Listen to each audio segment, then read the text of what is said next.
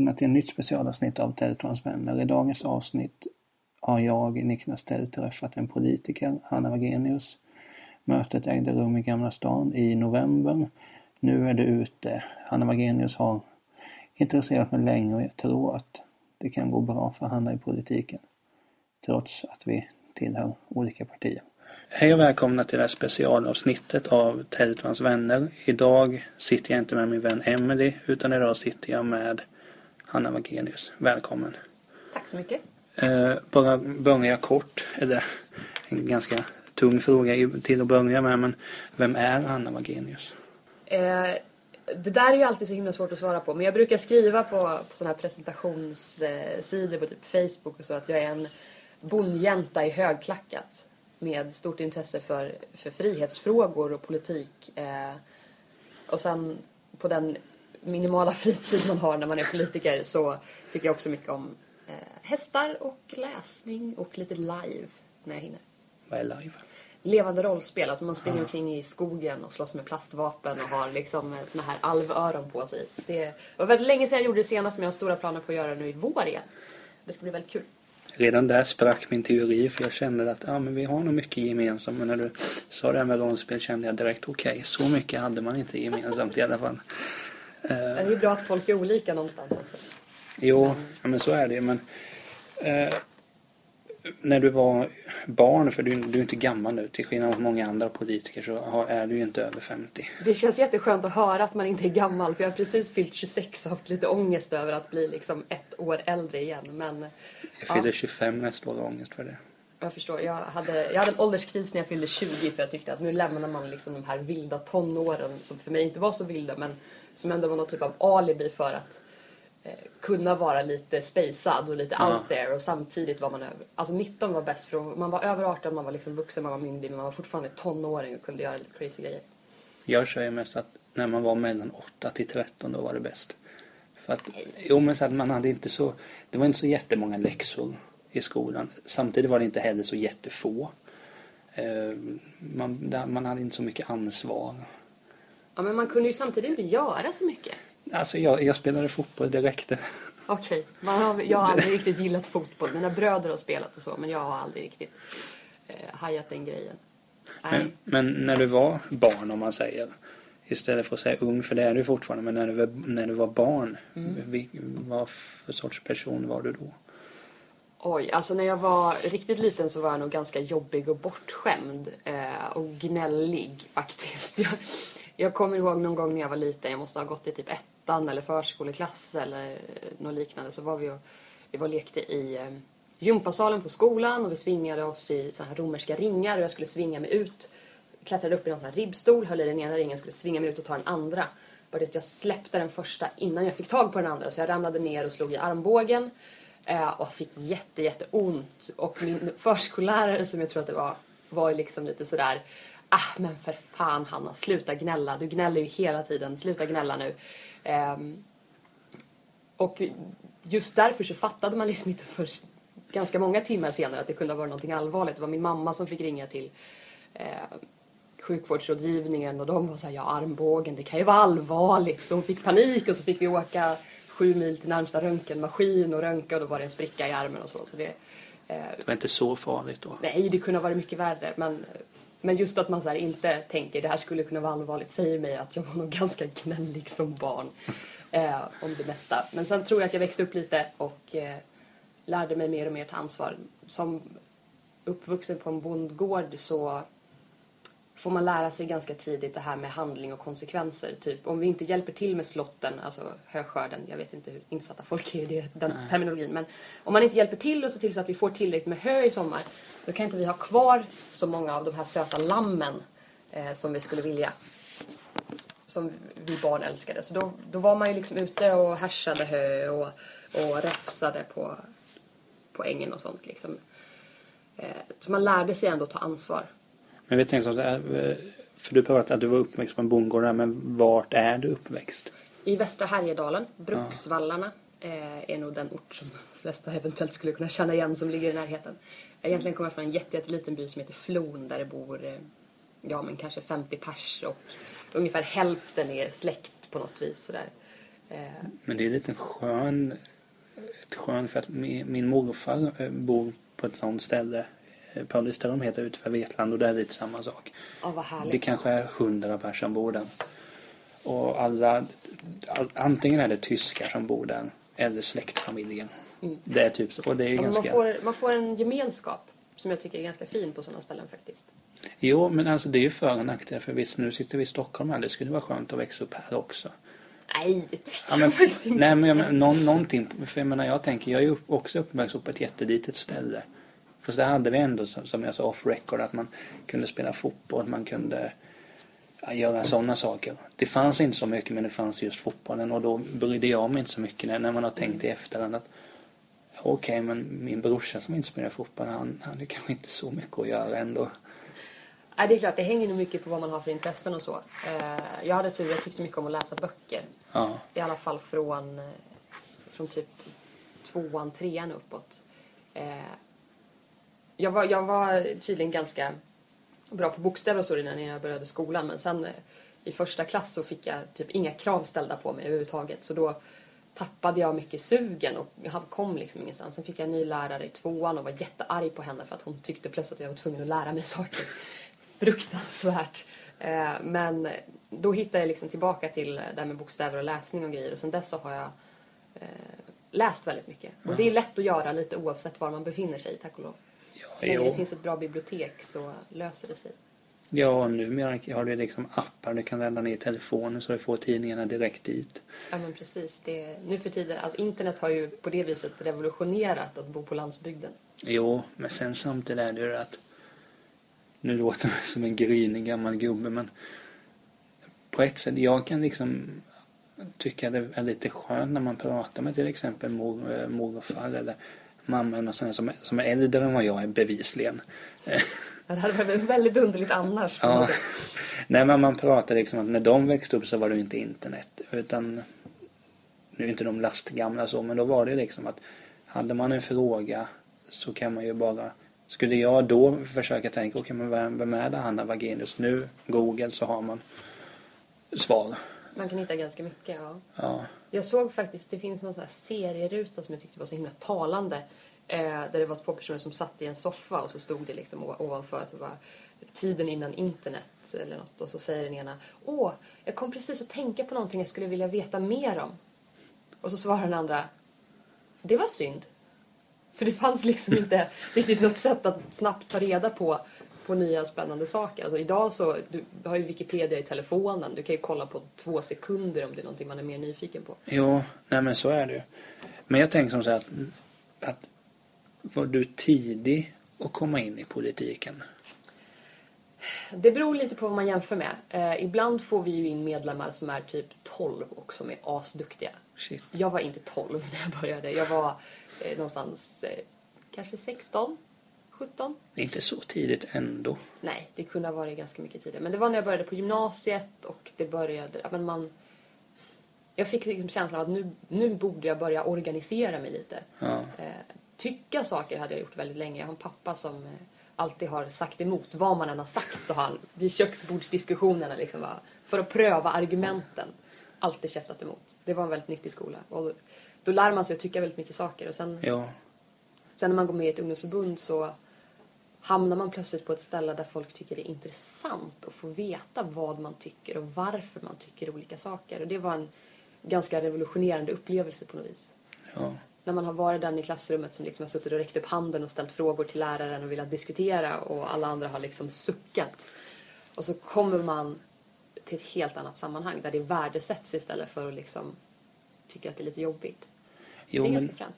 Jo, men det, jag har ju också tänkt på det. Det kan man, det kan man ju likväl ta att, att politiskt sett så står du och jag ganska långt ifrån varandra.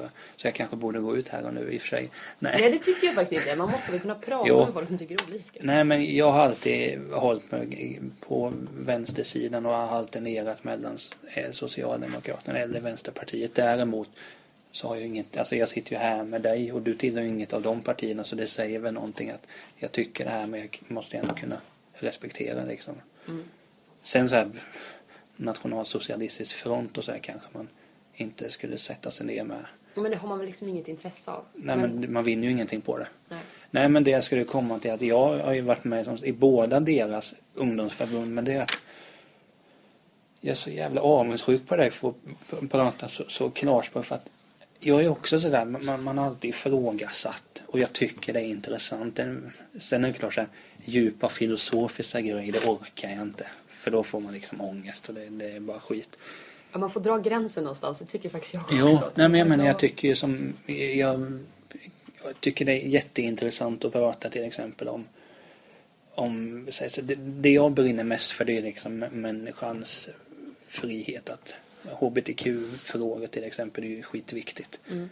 Eh, liksom att ja, det är väl egentligen den och sen mm, antirasismen jag brinner mest för egentligen. Och det har ju kommit så här utifrån eh, uppfostran. Men så många har det ju så, tack och lov. Har fått en sån. Men, men det är som jag tänker att jag är liksom att jag vill, nu låter det ju självgott men jag, om jag bara hade gått in för det så hade det kunnat gå bra. Men det är liksom att det känns som att politiker, att man har det, det är inget det låter som jag, detta är ju inte rätt att säga till dig i och för sig, men politiker låter, i mina ögon, ögon så känns det inte som ett så sexigt yrke. Sen jobbar jag, jag jobbar som content writer och copywriter. Det, det låter lite bättre. Det gör det onekligen. Men politiker är inte ett jättesexigt yrke. Det är ju...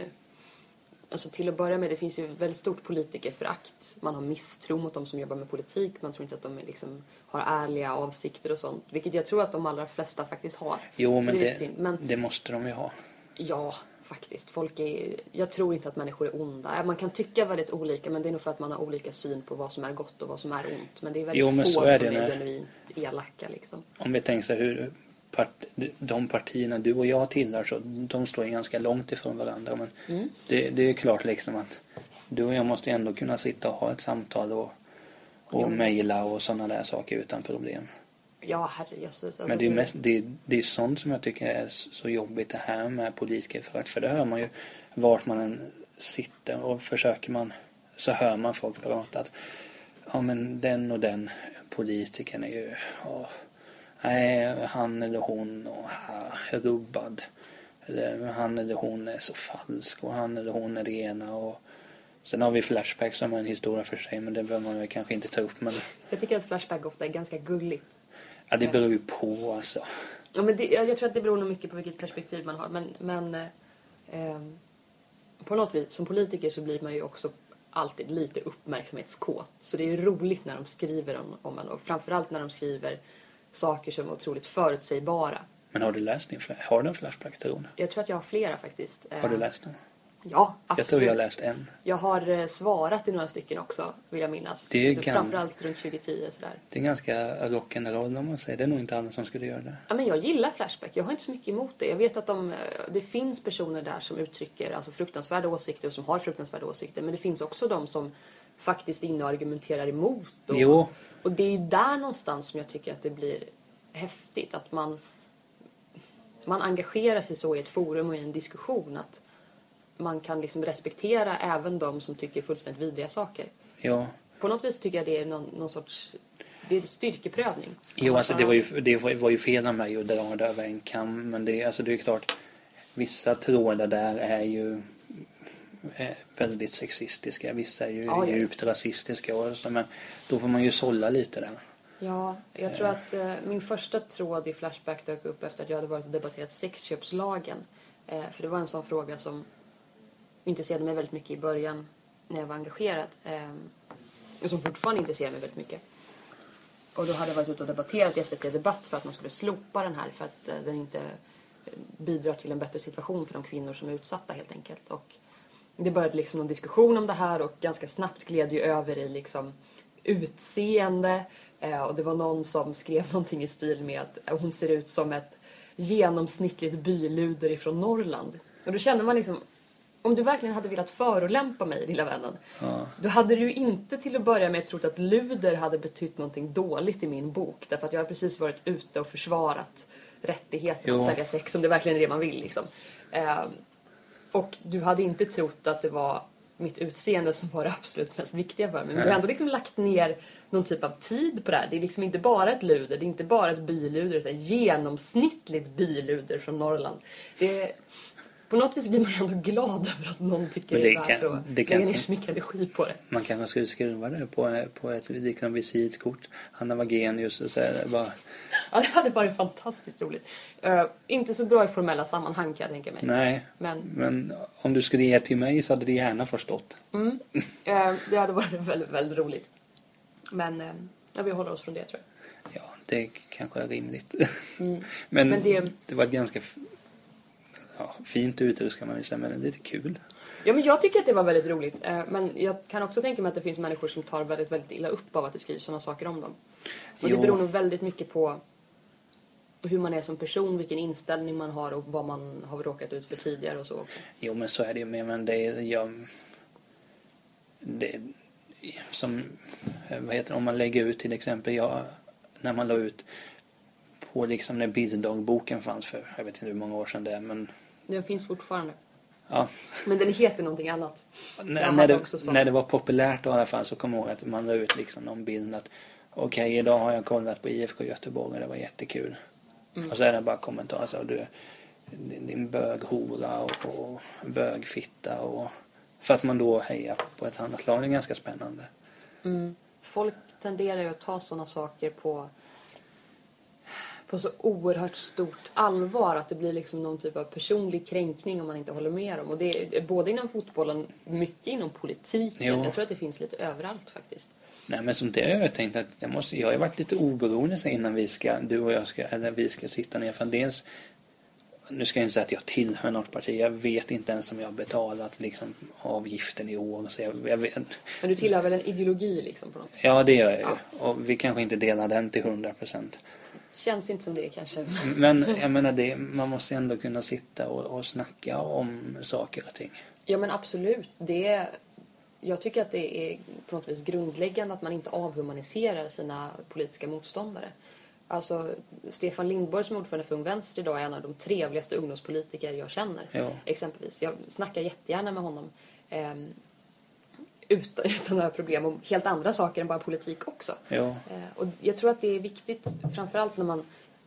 Alltså som ungdomsförbundsordförande så träffar man ju de andra ungdomsförbundsordförandena väldigt mycket, väldigt ofta. Och då Ja. måste man ju kunna ha någon typ av grundläggande social samvaro för att det inte bara ska bli pannkaka av alltihop och man ska gå omkring och må dåligt och ha tråkigt hela tiden. Ja, men jag menar, de, alltså, all- alla är vi ju människor. Visst, man tycker olika, men man måste ändå kunna ha en nära relation. För det är så att jag tror till exempel inte att dina och mina bästa vänner tycker likadant som vi två gör.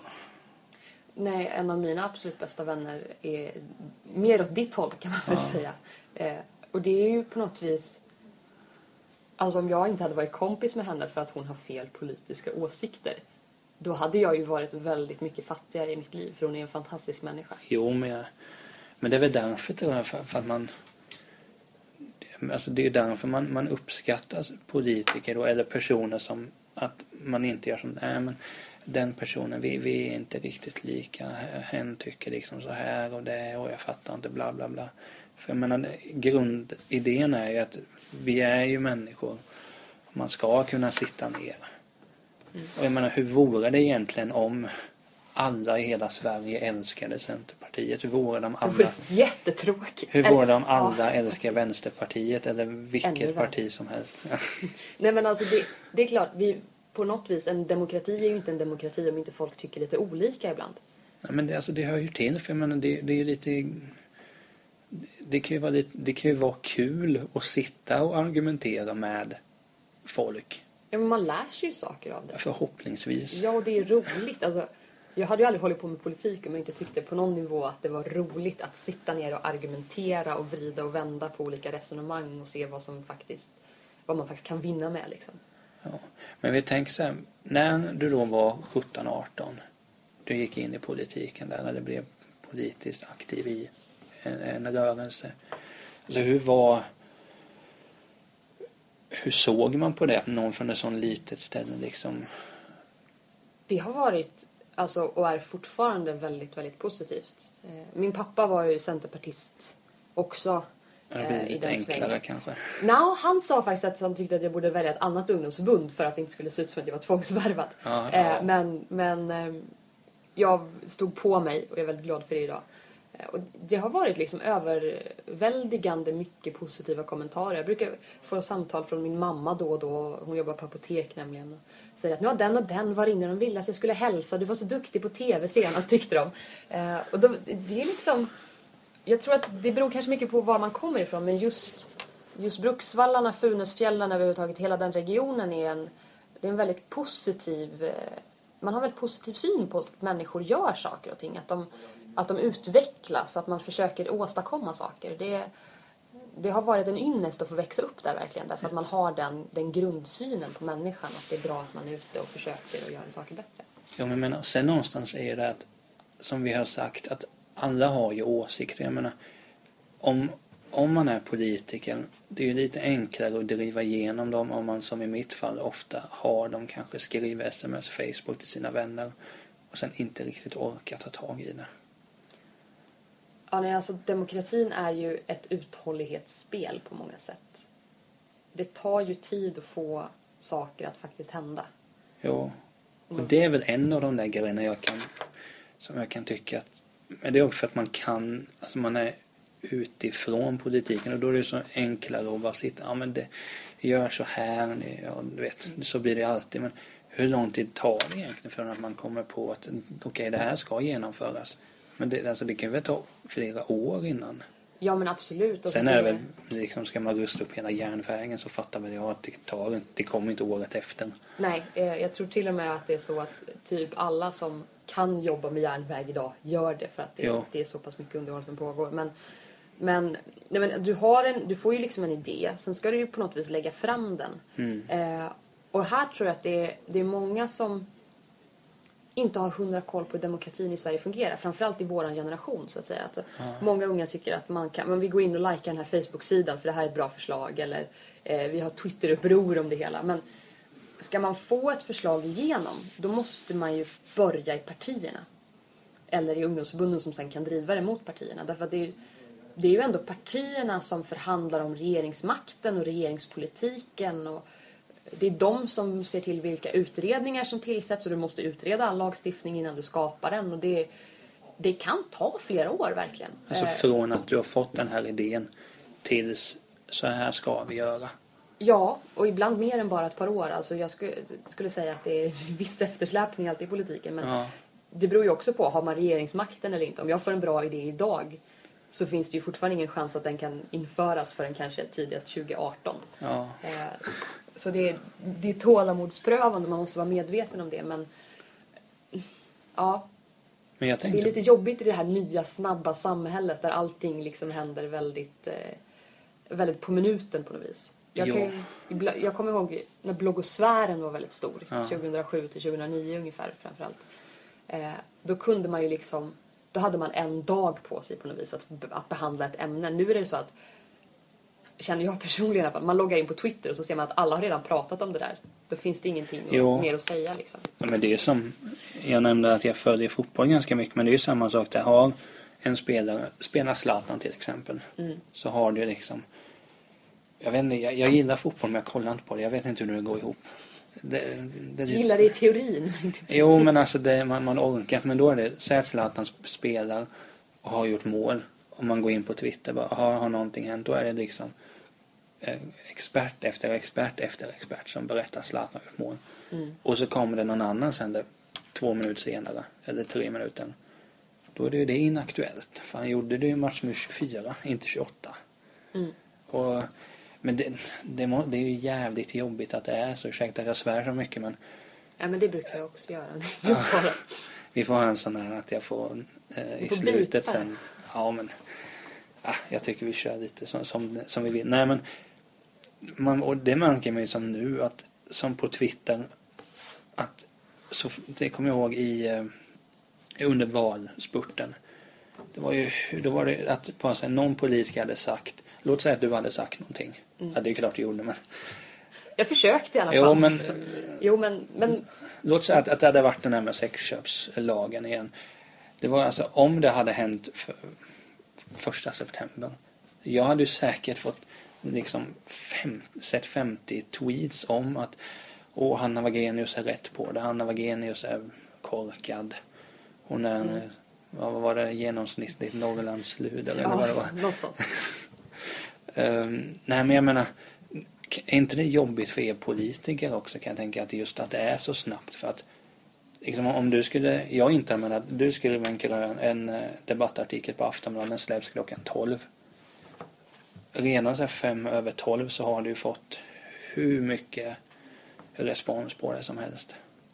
Jo men alltså det, det kan vara väldigt jobbigt ibland för att ibland så sätts ju också bilden av innehållet mer av sociala medier än av en, av en själv. Och det är väldigt svårt att ändra på. Det var ju ett eh, exempel nu med eh, en ung kille som hade klottrat anti-israelisk propaganda. Ja. Eh, och sen uppfattades det också som att han hade blivit friad fast han hade klottrat ett hakkors med anledning av att det skulle vara ett så inlägg i debatten. Ja. Det visade sig ju bara i domen när man läste den att nej, man kunde inte på något vis bevisa att han hade klottrat det hakkorset. Han hävdade tvärtom att han var på väg att täcka över det för att det inte borde vara där liksom. Ja.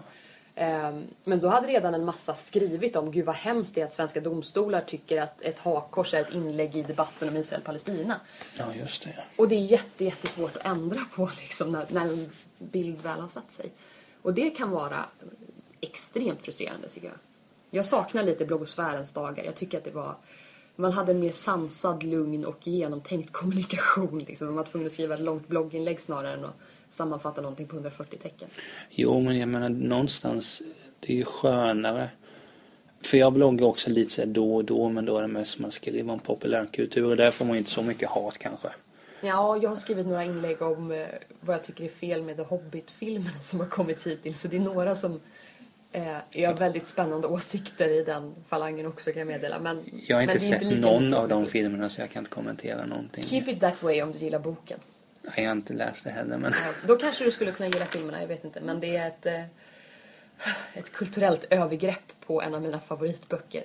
Vad är det de har gjort fel i? Visst, nu har inte jag sett filmerna men det kan ju vara kul. Vad är det som är fel i filmerna? Som är jag skrev 17 000 tecken om den första filmen och 22 000 om den andra. Så det är lite svårt att sammanfatta va. Men, jag får, eh, jag men får... i grund och botten. Jag tror att de lockades lite för mycket av det här med att kunna filma i 3D. Vilket har gjort att man bryter mot några så här fysikens lagar lite väl ofta. Och eh, sen tror jag också att Peter Jackson tror inte att grundstoryn med, med draken som antagonisten håller. För att han bland annat återuppväcker han en orch som har varit död i så här 200 år när berättelsen egentligen börjar. För att liksom föra in en extra antagonist i det hela och det blir bara pannkaka av alltihopa. Det låter korkat. Ja, jag förstår inte hur han tänker. Men... Så, som sagt, jag har ju också bloggat då 17 000 ja. tecken om den första och 22 om den andra. Men det är ändå, men, någonstans är det härligt ändå att liksom, att man får ju någonstans, du blir mer mänsklig. För att jag ofta så här, ofta ser man ju politiker som de är politiker, de är inte alltså, det är det de är, skitsamma sen. Men här, du, att du, det måste ta hur lång tid som helst att få ner de här eh, Ja, framförallt givet att jag ändå gick och såg båda filmerna två gånger för att vara säker på att jag hade sett rätt och kom ihåg rätt eh, om alla de här filmerna. Men då kanske du har liksom, vad kan, kan filmen vara, två och en halv timme? Ja, men något sånt. Och sen ska man sitta och skriva. Men det går ganska fort att skriva när man är så förbannad. Jag är ett stort Tolkien-fan, vilket kanske, ja, det är därför jag lajvar ibland och så också. Det är väl genomskinligt. Men för mig, de har någon typ av helig plats i min uppväxt också. Pappa läste dem väldigt tidigt för oss. Och, eh, det, för mig är det liksom världens bästa böcker. Och så kommer någon här och tror att han kan ändra historien och göra den bättre. Alltså jag, det är tur att man inte är våldsam liksom, för då hade det kunnat ske en olycka. Men jag kände samma sak när eh, jag alltid älskade Ghostbusters-filmerna. Mm. Det var liksom, det var, jag tror det var den första filmen jag såg. Ghostbusters 1, men det var liksom av misstag. Så att det, men kul var det i alla fall. Och nu ska ju de göra en trea. Och det är helt nya skapare. Mm. De, de, som har gjort Ghostbusters ska inte vara med. Och nu ska det vara kvinnliga Ghostbusters istället för de här manliga. Och det har jag egentligen, det är inte det som är problemet att det är kvinnor utan det är bara att det går inte. Dels är de här som var med i Ghostbusters 70 år. De kanske borde sitta och bara inte tala så mycket för de har väl sagt ett korkade saker en del. Men det är just att de ändrade. Jag kan ju känna igen det att det är så mycket de kommer ändra. Mm. Sen kanske det blir kvinnliga skådespelare med som man tycker är jättebra. Jag tror inte det kommer bli samma sak men jag kanske skriver så här 17 000 tecken. Du får- Kanske. Ja, om du blir tillräckligt förbannad. Ja men jag får se någon fotbollsmatch. Ja. ja, men ibland måste man ju få ventilation för den här ilskan och då, då är bloggen fortfarande ganska bra. Men är det vad är, med, med filmerna, är det något sätt för att koppla av efter på, med, med politik? Ja, det vet jag inte om jag använder det så mycket som. Men alltså, ska jag koppla av från politiken då är det mina ridlektioner på tisdagskvällar. Det är, det är fantastiskt när man... Alltså man hanterar ju ändå ett flera hundra kilo tungt djur som man ska försöka få att gå precis där man har tänkt sig och göra Ja. precis där man har tänkt sig. Och då kan man inte tänka på så mycket annat än hur man jobbar med tyglarna och skänklarna och var man ska nästa, nästa tio steg och sådana saker. Det är avkoppling verkligen. Ja, men jag, jag tycker mest det låter farligt. Men det, Ja, jag, men har, det- jag har ju är aldrig lite- suttit på en häst. En gång tror jag jag gjort det. Det är lite tjusningen att det är farligt. Alltså, fälttävlan när man rider ute i terrängen liksom, med fasta hinder, det är ju världens farligaste sport. Sett till liksom, utövare och dödsfall. Eh, och så tror folk att man håller på med hästar för att gulla liksom. Det är lite larvigt. Men det är ju en, det är en känsla av att man verkligen har en förmåga och att verkligen göra någonting. Du, du tar lite i tygen och hästen svänger åt vänster. Det är en ganska cool grej liksom. Den här 500 kilo tunga saken som jag sitter på gör precis som jag säger. För att jag kan någonting. Men då är det att när du sitter på tisdagen och rider så om det har varit långa diskussioner om sexköpslagen exempelvis så bara när du sitter där så det är liksom som borta. Du koncentrerar dig bara på dig Ja, och hästen liksom. Man kan inte tänka på någonting annat för då hamnar man plötsligt fel. Alltså Ja. det, du kan inte distraheras för en minut ens därför att det, då tappar du rytmen, du tappar balansen, du tappar allt egentligen. Eh, Det finns folk som tror att ridning är liksom, man sitter på en häst och så gör hästen hela jobbet. De har aldrig provat. Det är en enormt ansträngande sport, både liksom fysiskt men också mentalt. För Ja. att du måste vara så närvarande hela tiden. Du måste vara uppmärksam på omgivningen. Finns det någonting här som hästen skulle kunna reagera på och bli rädd för? Eh, Du måste ha koll på vart är de andra hästarna i ridhuset så att du inte råkar rida in i någon. Då kan det ju liksom ske olyckor. Ja. Eh, Du måste liksom hela tiden vara både spänd och avslappnad i kroppen samtidigt, vilket är en spännande kombo för att ha balans och, och veta vart du har alla, ja, vart man har fötterna och, och händerna och alltihopa. Det, är- det, är ganska, det är häftigt, men det är svårt. Ja, jag, alltså det, det lockar ju lite men jag vet ju, det hade ju troligen inte gått så bra för min del för jag, jag har svårt att fokusera på saker särskilt länge. Eh, Så då kanske jag inte borde, då Det kanske kanske är räcker bra för... övning å andra sidan för det. Ja men det, man får ta det som en sån här Ja, men precis. KBT-grej. Och då kanske...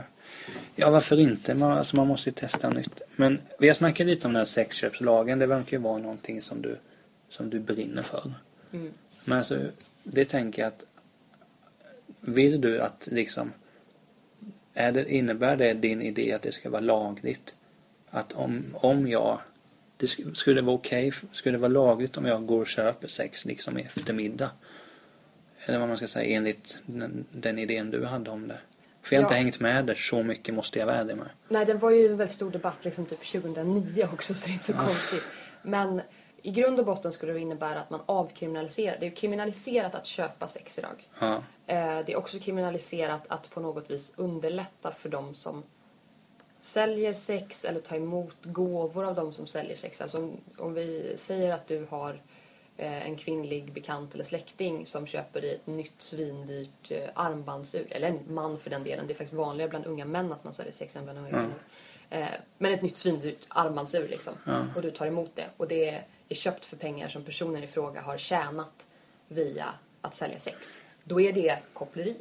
Men jag menar det kan ju också vara jävligt svårt att, att fatta det. För jag menar man kan ju inte heller gå runt och misstänksam. Okej men nu gav Hanna mig en, en klocka för att jag gjorde en bra intervju. Hur skulle jag Nej. veta att det kommer? Nej, man måste ju ha någon typ av uppsåt. Men säg att du vet att den här personen helt och hållet tjänar sina pengar på att sälja sex. Då ligger du lite i riskzonen. Det är också därför som eh, sexsäljare inte kan bilda fackföreningar idag.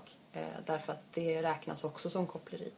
Eh, och själva lagen i sig, den eh, anser jag, alltså dels Dels försvårar det självklart för de som faktiskt vill sälja sex. Det är få som vill, men det finns de som tycker att det är ett bra och trevligt yrke som de trivs med. Liksom.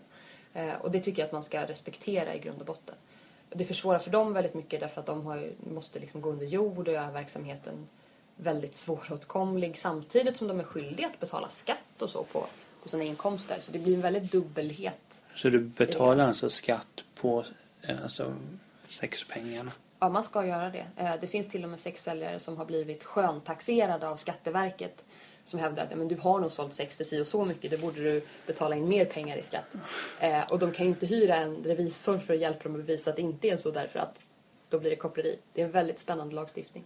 Ja. Eh, men sen har du, du har ju också en stor grupp människor som befinner sig i den här situationen fastän de verkligen inte vill det. Nej, det... Och där fungerar ju lagen inte heller. Alltså det finns ingen konstaterad statistik på att man inte köper lika mycket sex i Sverige idag. Man, det finns konstaterad statistik som visar på att gatuprostitutionen har minskat ganska mycket. Eh, men den verkar ha flyttat i väldigt stor del till nätet. Och nu tror jag till och med att det kom statistik på att den börjar öka igen. Ehm, och för de här personerna så, de som fortfarande går på gatan, för de har ju kretsen köpare blivit helt och hållet annorlunda. Tidigare så eh, kunde du liksom välja bland kunderna och välja bort framförallt de kunder som var obehagliga och farliga. Eh, Men att vara en obehaglig och farlig kund tenderar att korrelera lite med att man inte bryr sig om om man åker dit. Så det är nästan bara de som finns kvar som sexköpare på gatan vilket innebär att alltså arbetssituationen så att säga för de som egentligen inte ens vill befinna sig där har blivit så pass mycket värre för att de har bara de kunderna kvar att vända sig till. Eh, och det, är ju, det finns ju människohandel i en hel del andra sektorer runt om i världen. Alltså jag tror att de största är egentligen eh, jordbruk, eh, restaurangnäring, byggbranschen.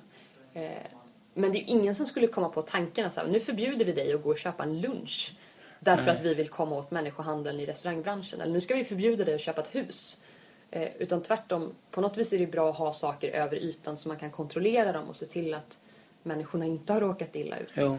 Nej, men det är som det man har tänkt att, att jag vet alltså, jag tänker som så att jag ser ju det att, att all, de flesta är väl att det är naturligtvis skithemskt om någon blir tvingad att sälja sex eller någon blir tvingad att eh, till, sitta utanför Coop eller någonting och tigga pengar. Det, det är ju Ja, men det är hemskt. klart att det är. Men jag menar, sen tänker jag att Alltså jag, jag vet inte, någonstans måste ju individen få göra lite vad som känns bäst för dem. Vi kanske ligger närmare varandra till Jo, men jag menar- vad vi tror. Ja, men det är klart. Jag Jag har ju gillat dig mer och mer efter den här intervjun. Du ser, det, Hoppas det går ömsesidigt. framåt. Jag borde göra fler intervjuer alltså, det är det som är grejen. Ja, Men i, alltså i, om, om vi fortsätter sitta så här mer och mer kanske jag blir din sekreterare till slut eller någonting. Ja, men du, det, bara söka medlemskap i CUF. Det är till och med gratis. Du brukar vara sjukt nöjd. Nej, men alltså, jag håller med dig. Alltså, på något vis, man förstår ju att de som stiftar den här lagen ville gott. De ville att man inte skulle Jo. behöva vara sexsäljare. Men bara för att man vill gott så blir det ju inte bra. Men det tänker jag, hur står Vänsterpartiet i den här frågan? Eh, de vill nog ha kvar och skärpa lagen vad jag vet. Eh, Det, det, kanske jag sa det för vill nog mycket. alla partier. Eh, nej, men det, det är liksom en konsensus om Ja. att man ska ha den här lagen bland alla partier och jag tycker att det är ganska problematiskt. Däremot, eh, jag tror att både RFSL och RFSU är emot den för att de liksom tittar mer på konsekvenserna av Ja. vad som har hänt. Nej men, men det är det som man har tänkt att Okej, du, du, har, du är politiker till, till yrket och jag är copywriter till yrket. Men om, det har ju vi någonstans valt. Mm. Men om liksom någon från vår ort vill sälja sex. Det är klart man inte... Jag kan tycka så här, mor- moraliskt kanske det inte är vad jag skulle gjort. Men samtidigt kan ju inte jag racka ner på den personen. Att, hur varför gör du det här? Nej, men folk har ju olika de har ju väldigt olika sexualiteter. Det finns ju Ja, men alltså, folk som tycker om väldigt mycket konstigare saker skulle jag vilja påstå. Som, Jo. som tillåts göra det helt fritt utan problem. Jo, jag menar det är väl så man måste få se. Jag kanske inte är tillräckligt intresserad av det helt enkelt. Nej, men precis, jag skulle aldrig sälja sex själv men, men jag tycker definitivt att andra borde ha rätt att göra det. Precis, alltså homosexualitet har ju också varit förbjudet i Sverige för att man tyckte att det var liksom perverst. På Och... 70-talet var man väl så det som en sjukdom? Eller var det? Ja, ända till 79 vill jag minnas. det är bara 35 år sedan. Det är ganska Mm, sinnesrubbat. Och jag tror att det har att göra med att sexualiteten är på något vis väldigt intimt förkopplad, alltså kopplad till jaget. Och man har svårt att sätta sig in i att andra kan ha en annan sexualitet än vad man själv har. Det blir någon typ av Ja, men nästan som när man är riktigt engagerad i fotboll, att det blir någon typ av kränkning mot en själv. Hur Jo, kan men vi alltså, tända jag- på den saken? Men jag tycker alltså de som liksom ser det som så att det är fel om Alltså någonstans är det ju ett folkförakt att man ser att okej, den tjejen tycker om en tjej, den här killen tycker om en kille. Det är, alltså, det är ju, alltså, låt dem göra det då. Ja, men För det, jag menar, det är ju ingenting som säger att jag som liksom heterosexuell man att jag har mer rätt eller att jag är mer normal inom situationstecken än alltså, mm, valfri homosexuell person. Det är ju ingenting som sagt jag är, som sagt, jag har ju inte mer rätt. Jag har ju samma, mm, vad ska man säga, jag har något viktigt här. Jag måste ju få uppleva samma, jag är ju lik, jag är värd att upptäcka, eh, vad heter, vad heter? Jag måste få vara kär i vem jag vill och den andra måste vara kär i vem den vill. ja, men precis. Så det är därför jag tycker att, alltså, som sagt, de som ser ner på homosexuella, det, det är inte bara att de, homofobi är jättefarligt, men i, egentligen så är det bara ett stort folkförakt de håller på med, för det är ju där det grundar sig någonstans. Ja, men det är ju någonstans att man inte respekterar andra människors rätt att tycka och, och älska det, det är de Ja, det, det behöver inte att göra med, med, med, liksom, hom- med sexualitet, utan det kan vara sån här sak att det finns få saker som gör mig lika irriterad som när mina sportlag förlorar. Än folk som liksom ser ner på andra individer. Mm. För jag menar, någon, alltså det, det funkar inte att varför ska jag sitta här och säga ja, hur fan kunde Hanna vara med i Centerpartiet? Det är ju, hon måste vara dum i huvudet. Bevisligen så är det ju inte det. Ja, jag hoppas inte det. Nej, men jag Det har menar... inte visat sig hittills i alla fall. Nej. men, men det är klart, man, det är ju någon typ av konformitetsnorm. Att man tycker att alla borde tycka och vara precis likadana för att man blir så obekväm av olikheter. Och Jo, men ju, alltså då kanske man borde kanske man borde sätta sig kolla upp sig lite. Ja, nej, men åtminstone rannsaka sig själv. Tänk om jag skulle börja gilla någonting som ingen annan gillar. Menar, nu är jag extremt tråkig, heterosexuell, monogam. Men tänk om jag plötsligt skulle bli, eller upptäcka att jag faktiskt är homosexuell. Ja. Då måste jag ju på något vis respektera den jag är. Det går ju inte att ändra på sin sexualitet. Och Nej, men alltså, jag Bara menar, för att man gör någonting som inte alla andra gör så måste det ju fortfarande vara okej. nej, och jag menar det, det är nog det som gör mig mest irriterad just det att det kan vi också komma till lite. Det var ju, har ju varit lite snack om månggifte. Väl? Mm. Nej, men det var att Och jag jag... älskar den termen. Vi, vi brukar säga polyamorösa äktenskap därför att annars får man lätt för sig att vi vill införa sharia-lagar och grejer och det är inte... Jag, jag kan inga politiska termer knappt. Jag, jag ger pengar till partier, jag sitter i soffan och sen klagar. Ja, men det kunde ha varit värre. Det, det finns Nej, de men- som inte gör någonting alls. Nej men det jag skulle komma till att det, jag vet jag snackade med någon någon gång som sa att jag är liksom så att min dröm är att få det här liksom Svenssonlivet. Jag vill gifta mig, ha två barn, bo i radhus och hela det här köret. Villa, Volvo, vove.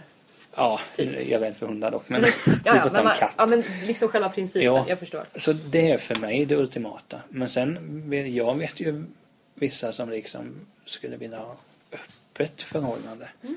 Och det, då satt man och tänkte, för då när han berättade det för mig så tänkte man, vad fan. Hur kan det, hur, hur, varför då?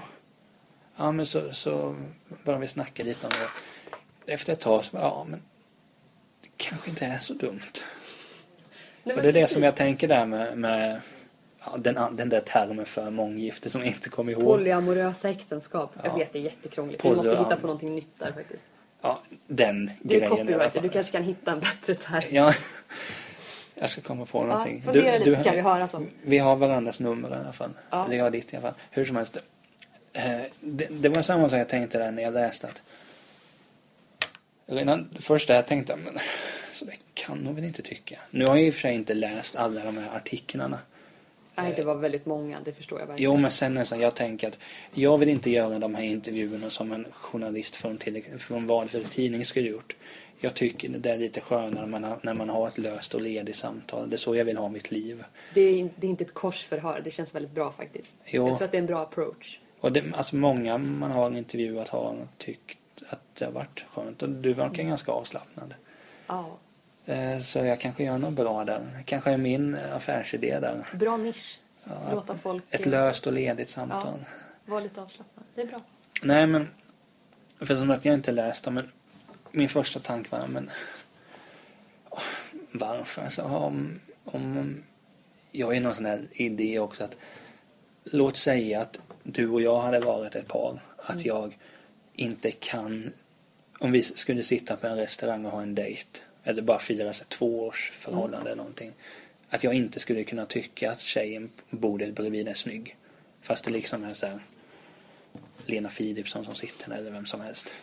Det är någon sån Mm. grej jag men det är liksom att där är så t- oerhört tråkigt. Okej, har jag träffat någon då är det full, fullt fokus på den här personen. I, på ett sätt kan ju det vara ganska fint. Men samtidigt kan det bli ganska problematiskt också. Alltså jag tror att det beror på vem, vem det är man faktiskt träffar. Alltså om, om du är tillsammans med någon som har samma inställning, då funkar det jättebra. Precis som om man är två stycken som är polyamorösa och inte har några problem att man träffar andra och så. Då funkar det också jättebra. Problemet uppstår ju liksom om den ena har en väldigt monogam sexualitet och den andra har en väldigt polygam. Det Jo. är då det blir konflikter. Då får man ju liksom acceptera på något vis att man kanske inte borde vara tillsammans. Men, Men, men alltså i grund och botten så är det ju så länge alla är med på någonting, vad fan är problemet? om det, vi säger så om, skulle du kunna ha en sån där poly... Ja, poly, nu tänkte jag bara på godiset. Men, Så det är en bra association. ja, men liksom, polyförhållande. Nej, eh, jag är väldigt monogam. Eh, jag träffade min pojkvän för nio och ett halvt år sedan och vi är fortfarande tillsammans och jag har liksom aldrig träffat någon annan. Eh, han är min första pojkvän dessutom. Så jag hade nog aldrig funkat i ett sånt förhållande. Men jag tycker att de som har sådana Jo. förhållanden, som har den förmågan att faktiskt älska mer än en person i taget. Grattis! Det måste ju vara fantastiskt för dem. ja, och då kanske skilsmässorna blir färre. Vem vet? Det, se, vi- det är så vi ska ställa in den här idén till KD helt enkelt. Eh, nej, Ja, men alltså, det är väl ett av de... Vi säger så här, jag skulle nog inte kunna tänka mig att sitta här med någon från KD. Inget emot dem, men där känns det lite... Jag är inte troende heller. Det är, det är ju inte bara det de driver i och för sig, men jag tror inte att vi skulle kunna ha ett sånt här löst och ledigt samtal. Men det kanske är beror- nästa utmaning. det beror väldigt mycket på vem från KD du eh, intervjuar tror jag. Det Den finns enda väl... från ungdomsförbundet jag känner till är Ebba Bucht. Eller är hon ungdomsförbundet? Ebba Alltså? Nej, hon är inte Ja. ungdomsförbundare längre. Men hon är väldigt trevlig. Jag tror definitivt att du skulle kunna ha ett Ja, men det kanske, ledigt är, samtal med henne. det kanske är så man ska ha istället. Istället för att liksom intervjua någon från Vänsterpartiet som jag bör tycka liknande som. Kanske man ska sitta med en motståndare. Bara gå på dem som du känner så här, den där personen tycker konstiga saker. Ja men någonstans är det väl, jag menar, Det är en utmaning.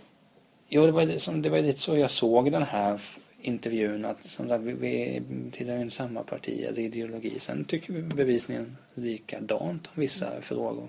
Ja, men så är det ju. Det Nej är, men nå- det, det är ju roligare att sitta och prata med någon som man inte är identisk som. Ja men precis, det var väl lite det vi var inne på tidigare också. Hur roligt hade det varit om alla var centerpartister eller om alla var vänsterpartister? Eller KD eller, Eller vad som KD, helst. eller vad som helst. Inte roligt alls enkelt. Nej men jag menar det är väl som det här med, med polygamiska äktenskap eller vad det heter. Det låter, det låter jag låter så ointresserad men det är jag inte. Eh, Nej, det är lugnt. Det är svårt att lära sig alla de här termerna i början. jo, nej men det som man har tänkt på det som jag sa att för min del hade det passat bäst det här punkt slut. Men om min granne liksom skulle vilja ha eh, tre kvinnor eller tre män. Alltså, jag har ju ändå ingenting att göra vad han gör. Så tillvida han inte, han eller hon, mm, liksom beter sig på något sätt. Nej men precis. Så, men det är ju så. Så länge alla är överens. Så länge alla de är medvetna om hur det ser ut och hur många de är i relationen och sånt. Mm, fine. Jo men sen, det är ju jobbigt om man skulle gå runt och vara liksom någon moralist och bara, ja men så där kan man inte göra, det måste göra så här. Alltså rätta till folk är ju ibland det värsta man kan göra, eller försöka rätta till folk. Oftast finns det ingenting att rätta till för att alla är olika och jag menar det finns de som skulle vilja rätta till mig, tro mig. Det finns någon som skulle vilja rätta till mig också kan Ja. jag garantera. Men det är väl bara det man tänker att, och nu kommer vi in på det jag läst mycket om den här, att det har varit ute om cannabis där också. Mm. Och det är också lite som jag tänker att förr var det liksom att ja, men det, det är ju knark. Det är klart du inte kan knark. Men mer man tänker på det att nu kan jag inte så mycket om, om knark så jag vet liksom vad det heter. Och har jag läst någon längre text om cannabis som var bra. Men är det lite samma sak som med sexköpslagen? Att om jag skulle vilja Alltså, jag antar att du vill väl inte ha det så att man ska kunna gå in på Coop och säga att jag vill ha två gram cannabis? Nej, vi vill ju ha liksom något systembolagsliknande system. Men att man får till exempel som utskrivet att den här personen skulle behöva det. Nej, inte nödvändigtvis. Utan, men så länge du har en butik där man liksom kontrollerar ordentligt ålder och att ha någon typ av koll så att man inte köper hur jäkla mycket som helst. Precis som på Systembolaget. Ja. Så tror jag att det skulle kunna funka ganska bra. Ehm, man gör ju försök med det mycket i USA nu. Men där har man ju fått intrycket att det fungerar ganska bra. Ja, det Sen är väldigt det ju- tidigt än. Sen Det finns det ju men- Snoop Dogg-figurer som kanske tar det lite väl mycket. Ja, men alltså det är klart att Fast det är väl Mariana i och för sig. Eh, Ja men på något vis så här, knark är ju inte bra för dig. Nej, Så är det ju. men är alkohol det i längden egentligen? Nej, det är det inte. Jag äter mycket socker. Är det alltså, precis två lussebullar till lunch liksom? Är det bra för mig? Nej. Någonstans får man ändå anse att folk får välja lite själva vad de Jo. ska göra med sina liv. Så länge man har ett bra exitprogram, liksom, om du behöver hjälp att sluta med drogerna, jättebra om vi kan liksom, ha någon typ av cannabisrehabiliteringsprogram. Eh, så länge man kontrollerar att folk inte är för unga när de köper det, därför att då kan det ge permanenta hjärnskador. Så måste man ju ha någon typ av alltså tillåtande... Man måste ha tillåtelse att göra även dumma saker i samhället. Du, fine, du kanske inte borde få stå och ställa dig och operera dagen efter att du har rökt en joint. Nej. Men du måste ju få gå ner på Coop och handla. Jo, men det är väl lite så man, man tänker att Låter jag väl sådär jätteliberal, men det är väl samma sak att jag kan inte bry mig mindre om jag skulle veta att du sitter onsdagen och tar en joint hemma. Skulle jag veta att du liksom hade rökt på innan vi skulle sitta här, jag, jag skulle inte bry mig för fem öre. För jag menar, jag, jag kan ändå inte göra någonting åt det. Nej men alltså det... Och det är väl samma sak, om du vill det så, alltså, nå- Man måste få göra dumma val. Ja, ja.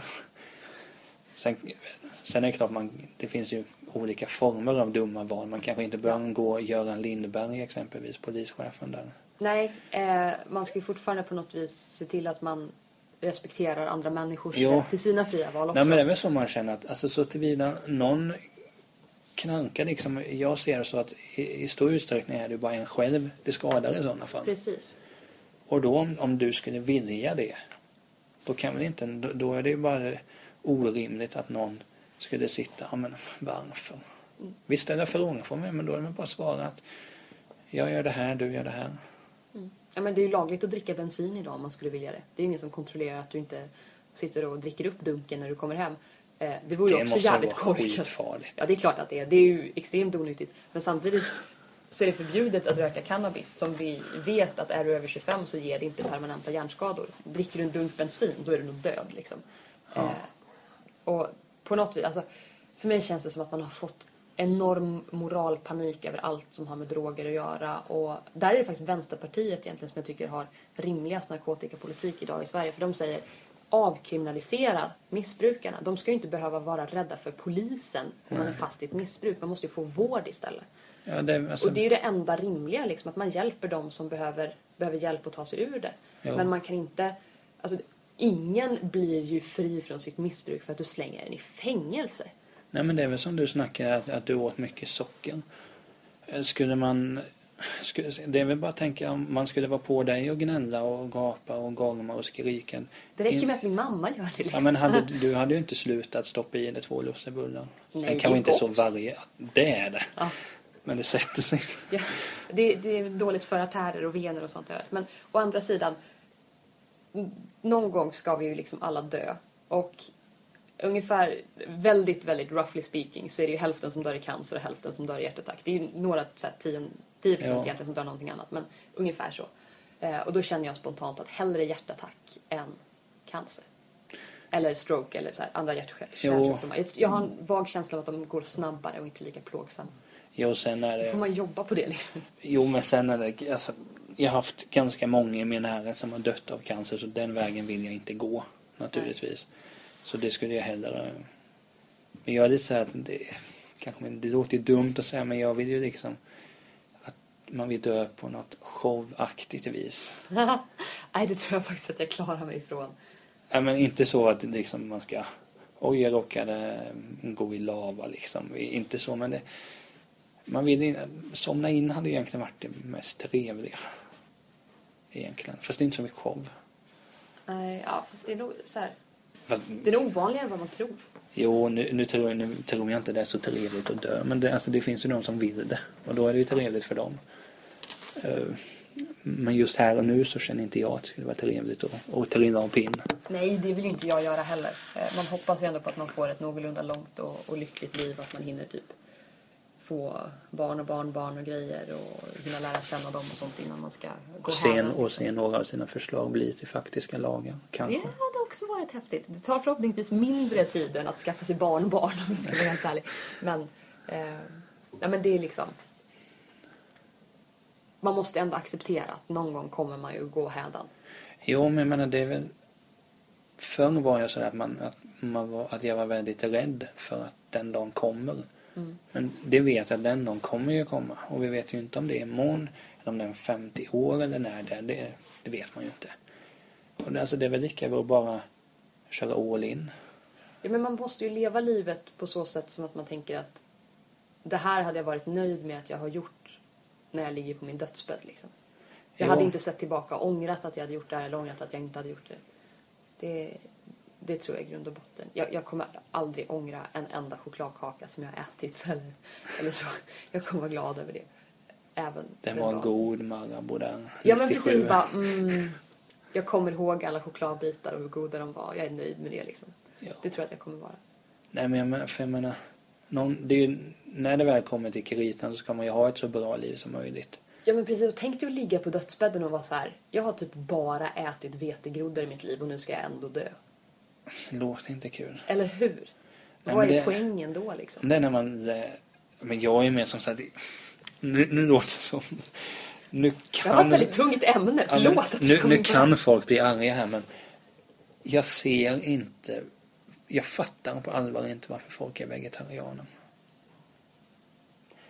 Det hade varit spännande om du hade varit jättevegetarian Ja. här nu. Det är jag inte. Skönt. Eh, Nej men det, det har ju också att göra med att jag skulle aldrig för mitt liv kunna slänga bort en köttbit mot lite grönsaker. Det, det finns inte. nej, alltså jag är väldigt karnivorisk av mig. Jag också tycker mycket om kött. Uppvuxen med liksom att vi har haft eh, får som vi... Vi har ätit våra egna får liksom. Eh, jag tycker att det är... Har du skjutit många djur också? Nej, jag har aldrig skjutit ett djur. Jag har kört på en hare för några månader sedan. Det var lite traumatiskt. Men jag har jägarexamen, jag har bara inte hunnit jaga. Är det svårt att ta? För jag skulle vilja men samtidigt så tror jag att det skulle inte göra så gott med mig. Nej, men det är inte så svårt. Det är, jag tycker att det är ganska bra. Eh, dels lär man sig väldigt mycket om liksom, viltstammarna, hur de fungerar, vad som har fått dem att minska och öka under, under åren som har gått. Liksom.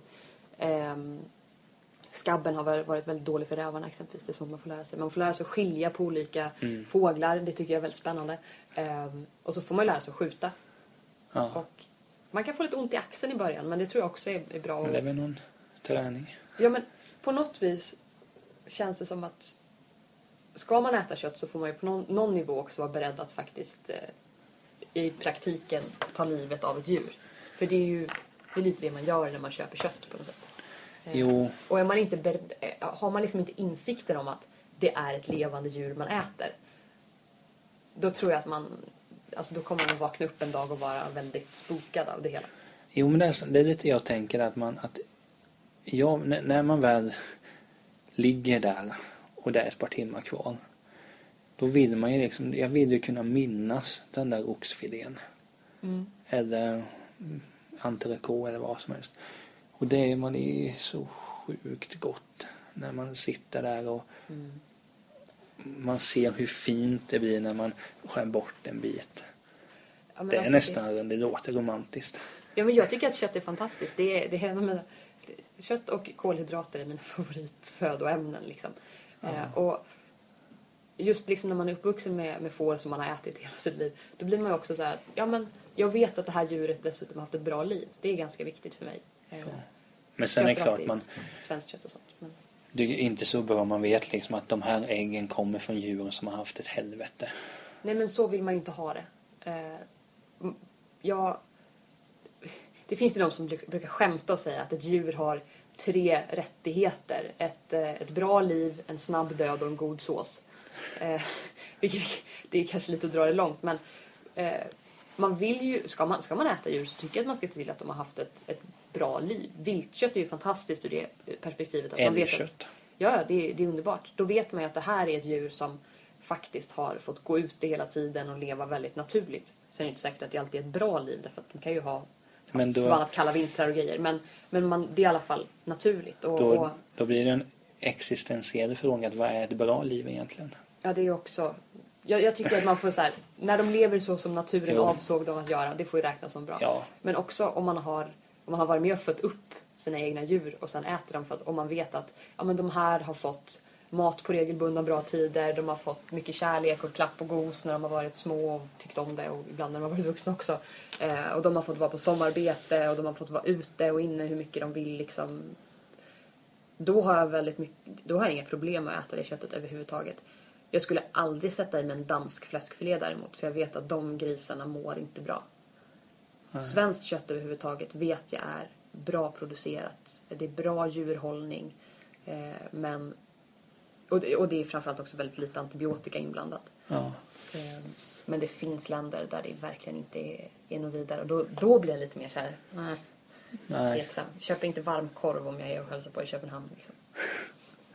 Men när du sa det, det där med att djuret hade tre rättigheter. Jag vet, någon frågade mig en gång vilket är ditt favoritdjur? Och då svarade jag, det är ett dött djur.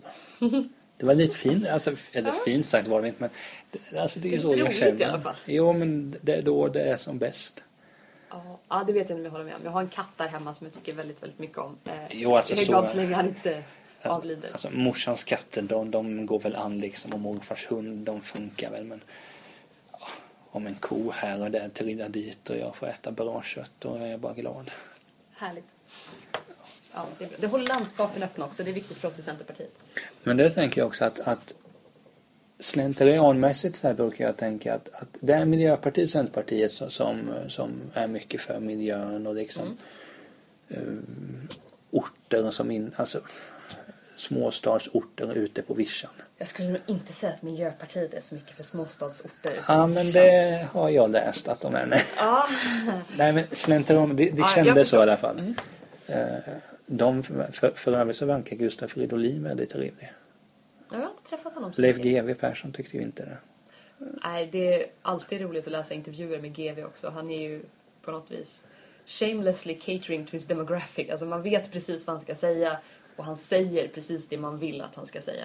Och ibland säger han ju väldigt dumma saker men kommer undan med det. Ja, ja. Bara för att det är Leffe liksom. Ja men precis. Och Jan Guillou känns lite, li- men han är ju mer, han är ju mer polerad. GV, jag skulle säga att det är lättare att förlåta GV för att han säger någonting än, än, eh, än Jan Guillou. Guillou pratar för mycket överklass fortfarande för att det ska liksom funka. Han, han låter... Alltså vad fan. Lyssna på dialekten. Det är svårare att förlåta honom än någon som liksom Men han är så skön. pustar och uh, liksom, låter... Så här, Men det är mer så här. GV vill man liksom ha som farfar eller någonting. Ja, Något sånt. så. G- Guillou känns väl mer som en lärare. Ja, det håller jag nog med om. Eh, Men det var inte det jag skulle komma till. Eh, Jo, det är att, att jag uppfattar det som att Miljöpartiet och Centerpartiet, det är, alltså, det är de som tänker mest på miljön. Mm. Men vad är det som skiljer dem? Är, är det för att Centerpartiet tänker mycket på miljön? Mm. För att jag har en kompis, vi, vi brukar prata mycket om det här. Mm. Han är med i Centerpartiet för övrigt. Åh, vad trevligt. Jag kanske känner honom. Eh, nej men han gick med ganska nyligen, tror jag. Ja, skitsamma. Ja. Eh, jo men då pratar vi mycket om det han, han uppfattade att det, som jag att det var de två partierna. Men han hade valt att gå till er istället för Miljöpartiet. Jag kommer inte ihåg varför han sa det. För jag ville väl inte lyssna, jag vet inte. Men alltså, vad är det som, om man skulle beskriva vänster, eller, Vänsterpartiet höll på att säga. Om vi skulle beskriva Centerpartiet med tre, liksom det här är nyckelpunkterna i vårt parti. Eh, Skulle miljön vara en av dem? Ja, definitivt. Men då tänker jag sig miljön och sen jag kan inte säga ute på vischan orter men liksom du förstår vad jag menar. Så heter det ja. är nog viktig och, och liksom eh, eh, företagande. Det är Ja. väldigt viktiga saker. Och jag tror att det kommer mycket av att vi är en gammal bonderörelse. Och har man, tillhör man liksom en, en grupp människor som har brukat den här jorden då vet man att man måste just bruka den för att överleva men man kan inte förbruka den för då kommer inte ens barn att överleva. Så att jag skulle säga den stora skillnaden där mellan Centerpartiet och Miljöpartiet det är ju att Miljöpartiet nästan ser människan som någon typ av invasiv art som har kommit här och förstör alltihopa. Och som borde minimeras liksom så mycket som möjligt. Men att, att de, de, ser de det lite landsbygden som en prydnad, att man ska helst inte röra det liksom? Ja men lite så, så här, oh, det är fint med gamla skogar, då kan vi åka ut från Stockholm en gång i månaden och vandra i dem. Liksom. Medan Centerpartiet har ju en, vi har en tradition av att bruka jorden. Vi har en tradition av att leva med den på något vis i samförstånd och förvalta den. Eh, och om man ska hårdra det så är det liksom det jag skulle säga skillnaden. Att Miljöpartiet tycker att allt som människan gör med naturen är dåligt. Det tycker de inte egentligen. Men liksom, om man ska dra det till sin spets. Och Enligt vi... dig så är ni mer positiva? Ja, verkligen. Eh, och jag tror att vi har mer tro också på, på vad vi kan åstadkomma i framtiden. Människan har ju ändå lyckats göra ganska häftiga saker hittills. Ja, alltså det får man säga. Man får hoppas på, jag, jag tror och hoppas på att vi kan lösa klimathotet också. Det kommer inte vara lätt. Men vi har nog kanske lite mer tro på att det faktiskt kommer att hända än vad typ Miljöpartiet har. Den, jag, jag ska också berömma Centerpartiet här nu. Oh. Jag, jag, så här är det att om man kollar liksom på alla partiledare. Dels är de flesta män. Mm. Det, är, alltså, det är ju vad det är. Man, det, det, det orkar jag inte bry mig om. Visst inte, skitsamma. Och så ser man att, jag kommer ihåg att när jag följde Vänsterpartiets partikongress när Sjöstedt blev vald, vad kan det vara, tre, fyra år sedan kanske? Ja, det var det så. Och då stod det liksom så här, det nya stjärnskottet. Så gick jag in och tittade, men han, är, han var ju 40 plus då. Mm. Och i min värld är man inte ett stjärnskott då. Och jag tänker att Annie Lööf däremot, hon är ju inte, jag vet inte, kan hon, hon måste ju vara mellan 25-30 någonstans. Ja, hon har fyllt 30 förra året tror jag. Ja, det är ju väldigt ungt i ja, politiksvängen. Det är det verkligen. Och det är väl där jag känner att långsiktigt, för det känns att hon har ju åldern inne för att man ska tänka långsiktigt. Mm. Jag menar, säg att hon skulle sitta 15 år. Kanske inte hoppas det för din skull. Du kanske vill ha den posten någon gång. ja, jag tror att hon kan få sitta nästan hur länge hon vill. Ja, men låt säga att hon skulle sitta 15 år och bli 45. Då är hon fortfarande inte gammal. Nej. Jag menar, jag vet inte. Fridolin är inte heller så gammal i och för sig. Men... Jag tror att de är födda samma år faktiskt. Hon och Fridolin. Ja, det kan nog stämma. Nej, men vi säger så här. Jonas Sjöstedt, han, han han är ju inte under 30. Det är han ju inte kan vi säga. Han, var, han måste ju vara närmare 50. Och nu har ju visserligen Reinfeldt hoppat av men eh, Hägglund är ju ganska till åren. Och Björklund måste ju vara ganska... Men det, det, är ju det är lite det som gör att man inte... Att det känns som det är liksom griniga gubbar som är där. Som sitter där. Visst nu tycker jag att... Bevisligen tycker jag om Sjöstedt. I och med att jag kanske har betalat avgiften i år. Ja. Så jag kanske tycker om honom.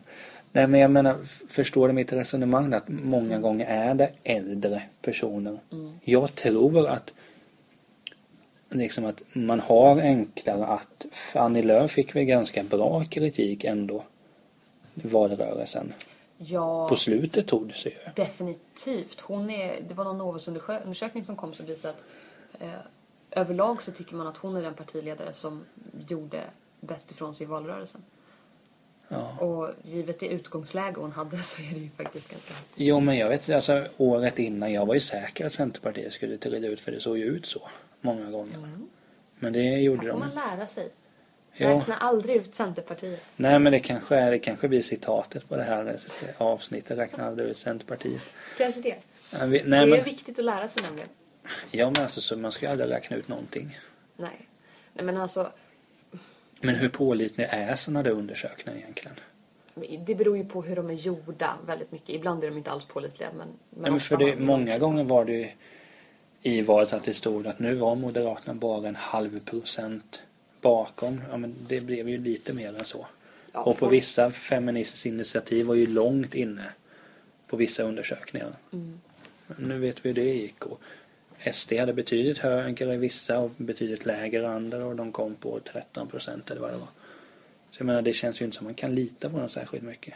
Nej men alltså det, det är som man brukar säga att det finns tre sätt att ljuga. Lögn, förbannad lögn och statistik. Du kan ju bevisa nästan vad som helst. Äntligen är det någon som köper det som jag sagt statistik man inte kan lita på det. Nej men alltså det beror väldigt, väldigt mycket på hur undersökningarna är gjorda men också naturligtvis på hur människor svarar.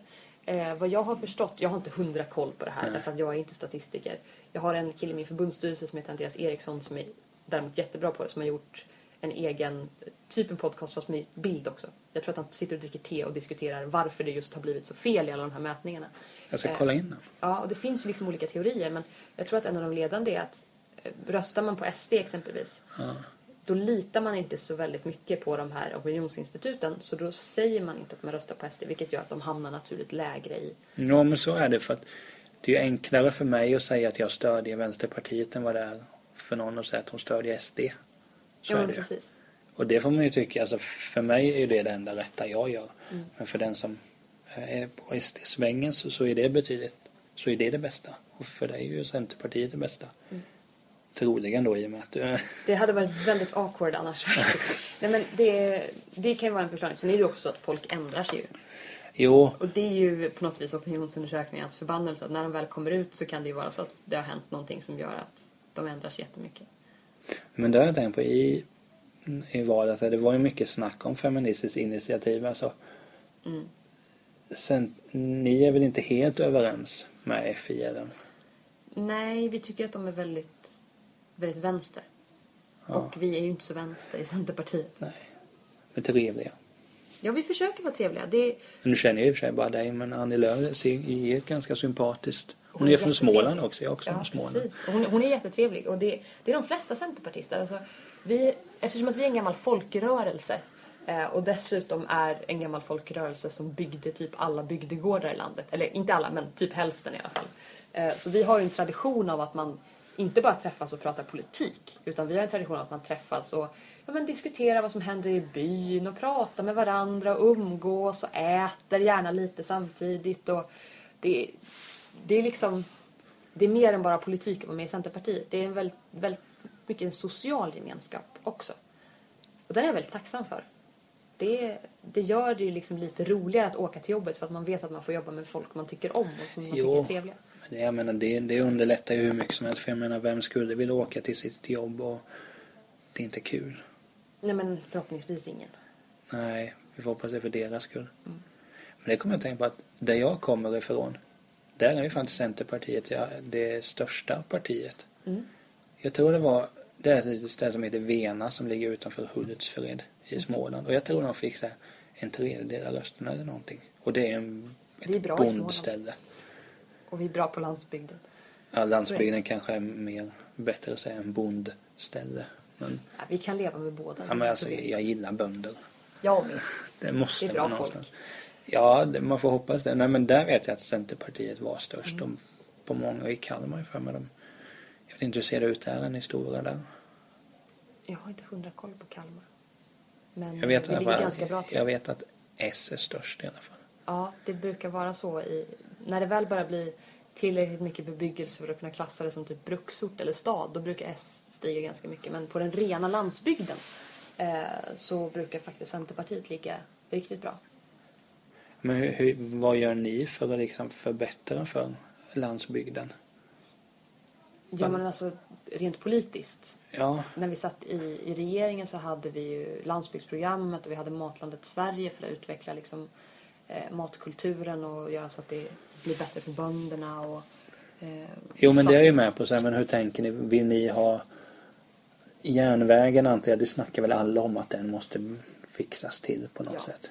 Absolut. Järnvägen har vi jobbat med, infrastruktur överhuvudtaget. Enskilda vägarna är ju eh, också väldigt viktigt för, för bönderna. Eh, därför att det, inte, det är sällan liksom tågstationen ligger på gården.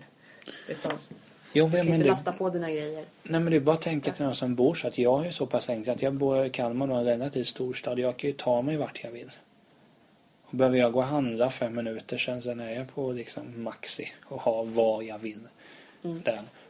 Men det vet som, som jag nämnde min morfar, han är lite mer mindre behagligt. Men han behöver ju åka till Vetlanda liksom och det är ju tre mil. Nu vet jag inte hur centern är där men Ja, skapliga tror jag. Ja men det är liksom att åka dit, åka, för, åka sju mil fram och tillbaka för att handla. Det, det är lite väl mycket kan jag tycka.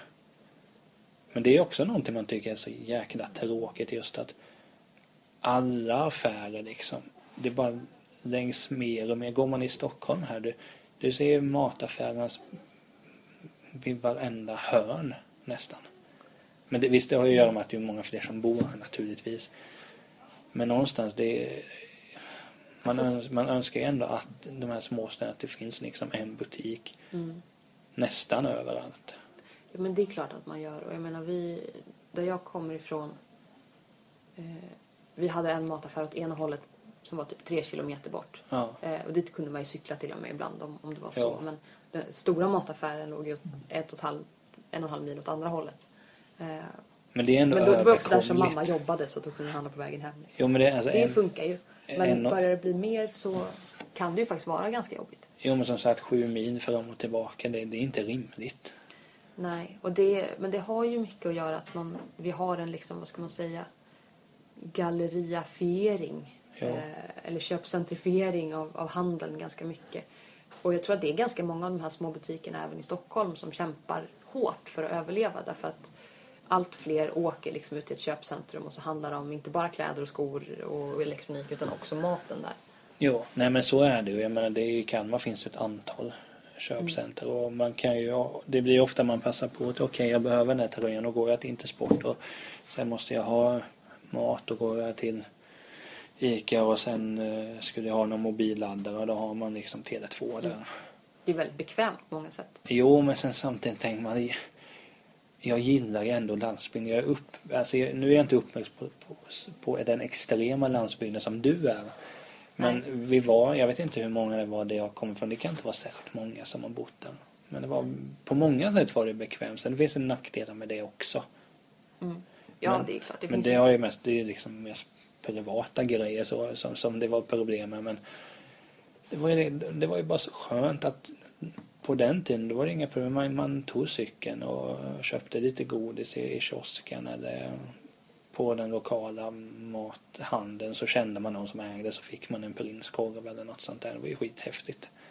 Mm. Man, man, det är kanske därför jag tyckte att 8 till 13 var de bästa åren för att då fanns allt det där. Då behövde man inte Mm. sätta sig i bilen och följa med farsan och åka. Det var ju också skitkul naturligtvis. Köra vagnen liksom. Då, då kände man sig som en kung. precis. Vi hade så här små vagnar på Ica Ja. där jag bodde. Så man, då fick man ta en liten vagn och så fick man köra den själv även när man var liten. Det var häftigt. Känn, jag brukade ofta tänka att nu kör jag bil. Så känner man, Ja, okej. men man gör lite så när man är barn. Man, man projicerar alltid så här, nu gör jag någonting som är ännu häftigare än det jag faktiskt gör.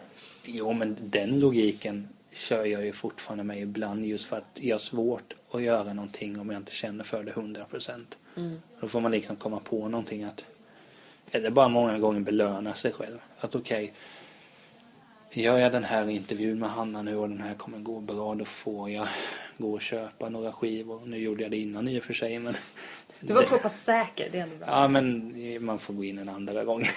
Ja, Men det finns, eh, det finns en app som heter Habit RPG. Ja. Som är den typen av liksom gamification av livet. Så att man skriver in så här, jag ska göra det här varje dag, jag ska göra det här de gångerna i veckan. Eh, jag har de här uppgifterna som jag ska slutföra någon gång. Eh, och så kan man liksom lägga till också belöningar som man kan tjäna ihop till genom att göra de här grejerna. Jag har skaffat en ganska nyligen. Och det är skitkul.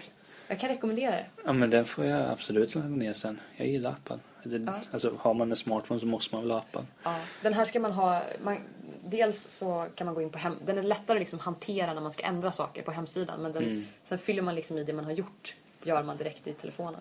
Skitsmidigt. Jo men, men alltså så, man gjorde ju likadant när man var, var liten. Liksom, att var jag bra på fotboll, tränade jag bra fotboll då belönar man sig med, nu låter som det är jättehårt men då kunde man liksom, åh nu var jag bra, nu ska jag njuta av de här ostmackorna eller att mamma har bakat bullar eller någonting.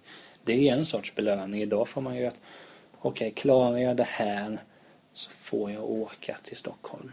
Mm. Alltså, så gör jag ju för att pressa mig själv för att jag är så pass slö många gånger att man Ja, men folk funkar ju olika.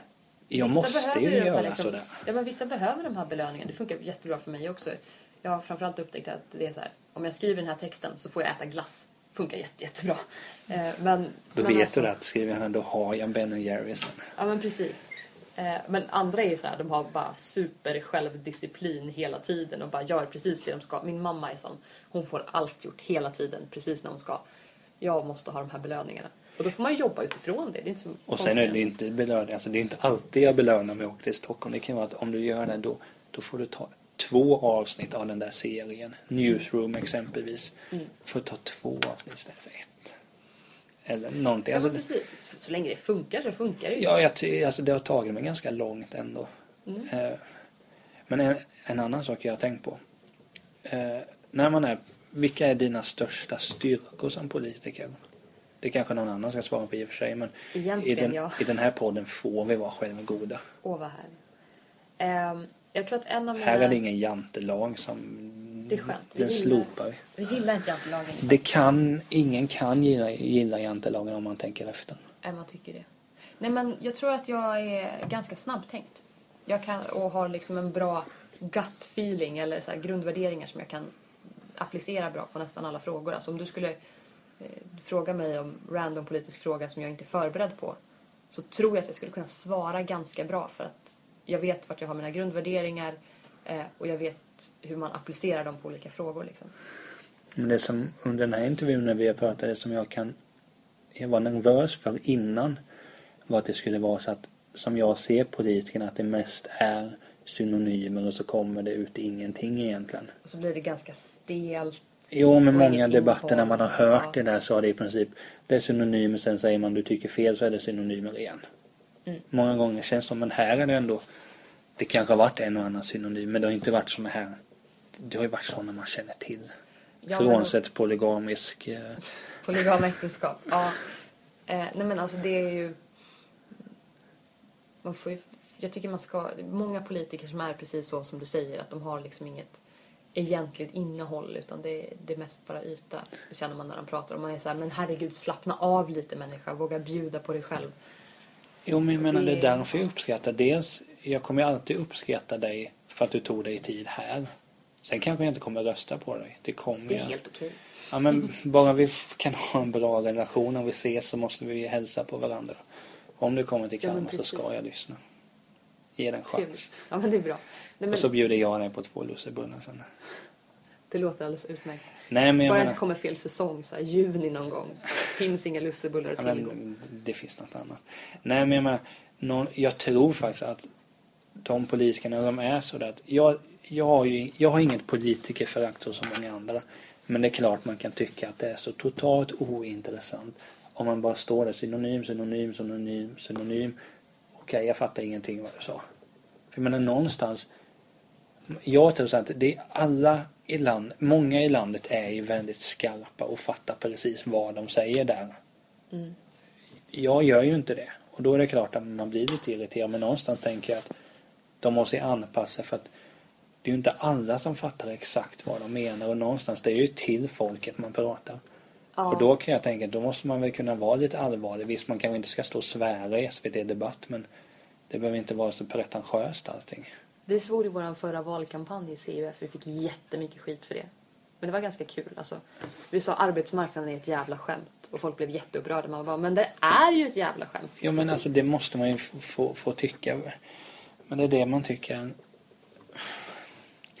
Jag vet inte, det är just att det ska vara så uppstyrt. Det är väl det jag mest har problem med. Mm. Alltså, delvis beror nog det på att det är lätt att fa- fastna liksom i den här politiska jargongen, eller man ska säga. Man, Jo. man börjar prata nästan ett annat språk. Men att du, du, när vi har suttit här, du har ju svurit och vi har... Ja, jag också i och för sig, så det kanske jag som har smittat dig. Men, Nej, Nej, jag men- brukar svära faktiskt. Nej, men jag en menar- dålig egenskap. Jag ser det inte som en dålig egenskap, för alla gör ju det i princip. Ja, alltså, jag tyckte det var mycket värre när jag var yngre än vad jag tycker att det är nu. Herregud. Sen är det klart, sen kanske inte du skulle stå i SVT. Jag såg någon Expressen-intervju när han... Jag tror det var Niklas Svensson som intervjuade dig. Mm. Svårt, ja, jag har alltid svårt att höra vad han säger faktiskt. Det är för att han är från Blekinge, vet du. Jo men det, det var Man det. tycker att det borde ligga ganska nära småländskan, men det gör inte riktigt det. Nej men jag, jag vet inte, jag brukar säga att jag har inga dialekter, jag kan inte prata. Du pratar visst kalmaritiska, det skulle jag vilja påstå. Ja men bättre det än, det låter bättre nu än vad det gjorde när jag var, när jag var yngre i alla fall. Okej. Eh, Ja. Nej men nu, vi ska inte prata om mig, det har jag andra avsnitt till. Nej, men, nej men jag menar när, när det var i den intervjun, det var ju liksom inte att du satt och man får ju anpassa sig också. Mm. Sitter du i Expressen kanske du inte ska säga att ja, han är så jävla blåst. Nej, men det är klart det, Det kanske man kan säga off record. Att, Jag tror inte man kan säga det off record till en journalist eller. nej men, Men, nej, men det kanske man kan säga om man sitter hemma och dricker te och snackar med någon kompis och är irriterad på att en politiker betett sig dålig. Då kan man säga det. Men det är klart, är man i offentligheten så måste man ju på något vis upprätthålla jag menar, typ av grundförtroende. Jo, det går ju inte att säga precis vad som helst. Nej, det, alltså det, är- det är inte så jag menar, men att man måste ändå kunna vara lite fötterna på jorden. För det är lite man, jag kan känna så ibland att det är liksom att vi civila är på en nivå. Sen är politikerna över. Jag vill ju någonstans att det ska vara så, så nära som möjligt. Nu menar jag inte att i- om inte jag är vald så ska ju inte jag kunna ha, välja på samma sätt som statsministern kan. Eller, vi har ju riksdagsvalen och där får ju alla som är över 18 Mm. svenska medborgare lägga sin röst. Så jag menar, där har jag min chans och jag har gjort det och det blev som det blev. Ehm, Ja, det blev det verkligen. Ja, ja, alltså, ja jag vet inte. Jag, jag vet inte om jag känner att det var en jättevinst egentligen. Att det blev som det blev. Men jag menar, jag har ju gjort vad jag har kunnat. Mm. Och det var många andra som inte ville ha det så. Det var många som, som inte gjorde någonting alls också. Men hur många är det som är soffliggare egentligen? Jag tror att det kanske var 15 procent i det här valet som inte röstade. Jag tror att vi var uppe på 85 procents valdeltagande. Men och det är bra. Det är faktiskt helt, jättebra. Det ska man säga. Även om man tycker att det är jobbigt att det finns vissa som inte går och röstar så är alltså 85 procent är en jäkla bra siffra. Det kan vi vara nöjda med i Sverige. Nej, men jag menar inte få låta så som pretto, men hur svårt är det egentligen att, att bege sig till vallokalen?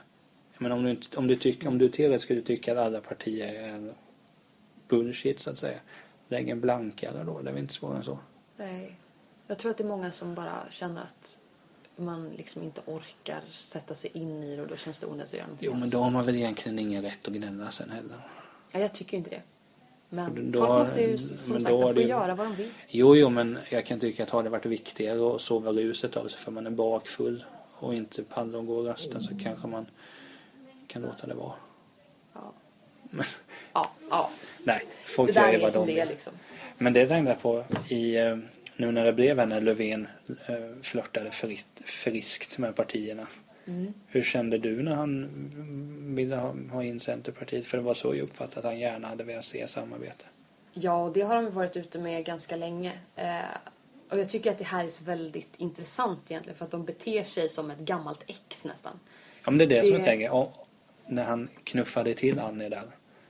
Ja, Om jag hade velat, om jag hade velat samarbeta med dig så hade väl inte jag knuffat till dig. nej. Jag tror inte det var någon så här hård knuff Nej, heller. Det var det- liksom nej, lite viftning sådär. Men, Men enligt ändå- Aftonbladet var det Ja, jättestor. ja, ja. Men det är ju... Och hur som helst så är det kanske inte jättesmart att försöka vifta undan den man vill samarbeta med. Eh, Men alltså i grund och botten, vi, vi hade ju ett visst samarbete med sossarna nu senast på 90-talet. Ja. Eh, Det gick jättedåligt för oss rent opinionsmässigt. Vi gjorde vårt sämsta val någonsin efter att vi hade stöttat, stöttat sossarna. Eh, och vi har liksom gått vidare från det. Vi har hittat nya polare som vi vill hänga med. Vi har suttit i regering med andra personer och fått igenom vår politik som vi vill och så. Eh, och då kommer liksom Socialdemokraterna och ett driver kampanj där de så här, åh, Centerpartiet har blivit så hemska och nyliberala och övergivit landsbygden. Två, vi vill jättegärna att ni kommer tillbaka till oss och samarbetar med oss istället. Och då blir man så här, men alltså ni får ju välja. Ja, Det är, det är orimligt att säga att vi både är onda och att ni vill ha med oss ett samarbete därför att så här, båda går inte. Annars är ju ni onda också, eller hur? men jag menar så att om, om det hade, om vi säger att om eh, Centern hade varit positiv att gå över och ni skulle få liksom sitta och rösta om det partiet. Du hade inte velat gå över dit, eller alltså att det skulle bli att ni Nej, är med alltså, eller? Vi tycker ju så pass olika att det hade ju inte funkat så bra. Det, det som man märkte med alliansen, eller det som blev tydligt och det som man klarade av att göra ändå, det är liksom hur mycket arbete det ligger bakom att få partier att komma överens om olika saker. För det är liksom beslut som har fattats på stämmor och utgångspunkter som man inte kan ändra på och som ändå på något vis måste flätas samman och bli en regeringspolitik. Titta bara på de problem som Miljöpartiet och Socia- Socialdemokraterna har idag. Att sy ihop och tycka någonting och tycka samma sak. Jo, men det, man läser ju Det- ständigt i tidningen om att okej, nu tycker de si och så och det är så här och nu håller de inte med varandra. Men det, jag har ju suttit och tänkt på det att jag är visserligen ganska in, in, intresserad av USA i de flesta fall. Alltså både idrott, populärkultur och allting det här. Mm. Men ibland tänker jag, varför är det inte bättre att bara göra så att man röstar att man har som två stora partier. Nu blir det i och för sig så när alliansen för jag ser det väl som det är ett stort parti. Sen är det ju inte det. Men alltså någonstans är det ju liksom att jag tror det hade varit enklare för många att man röstar på de här som är vänster, de är höger. Men jag menar nu, nu sossarna känns ju inte alls, jag har alltid uppfattat dem och när man har läst att jag uppfattar dem inte att de är så mycket vänster. Jo, lite, men alltså samtidigt, de har ju alltid varit alltså, de något inte av ett mittenparti. De, är, de är inte som Vänsterpartiet, men det är ju Nej. nästan. Det, då hade de inte haft lika många röster heller. Nej, 6 De- procent är någonting. Ja, 6 7 men det är man, man vill inte så jätte... Ja, ja, fick man inte 4, någonting i valet nu? Till och med. det kanske var... Ja, jag vet. Ja. Det är jobbigt med sådana siffror. Nej men alltså det, eh, det är ju lite så att den här blockpolitiken har gjort att det upplevs som att man har två olika partier. Men på något vis har den också varit nödvändig för att skapa alternativ i svensk politik. Därför att tidigare så har ju liksom borgerliga regeringar spruckit eh, och inte fungerat och man har liksom inte sett det som ett trovärdigt alternativ. Och det gör att man röstar inte på dem heller. För att man säger, ja jag kan ju rösta på, på Moderaterna eller Centerpartiet så men de kommer ju aldrig kunna sitta i regering så det är ju värdelöst det är först när borgerligheten har liksom kunnat samlats och enats och liksom förhandla fram vissa gemensamma punkter som de faktiskt har blivit ett alternativ och som jag upplever att man faktiskt har haft olika faktiska regeringsalternativ i Sverige. Eh, och det är därför som också jag skulle vilja säga att Socialdemokraterna och, Moderat- ö, och Miljöpartiet heter de, har eh, svårt just nu därför att de har ju inte förberett det här överhuvudtaget.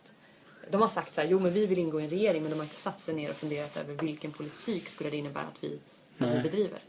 Och då får man de problem som man har nu med, med liksom förbifart och Bromma och, och allt vad det kan vara. Jo. Nej, men det är också som liksom så att när, när man har tittat gamla dokumentärer och, och så här, em, tänkt på att allting var bättre förr och så där. Så jag vet jag såg någon dokumentär mellan Olof Palme och Torbjörn Fälldin. Oh. Ja, jag gillar Palme. Alltså. Eh, Fälldin verkar också ganska skön. Ja, Torbjörn är en fantastisk människa. Jag, är- jag är besatt av Palmemordet. Alltså på, jag, jag vet inte varför. Alltså jag var inte ens född då. Min mamma och pappa hade inte ens träffat varandra.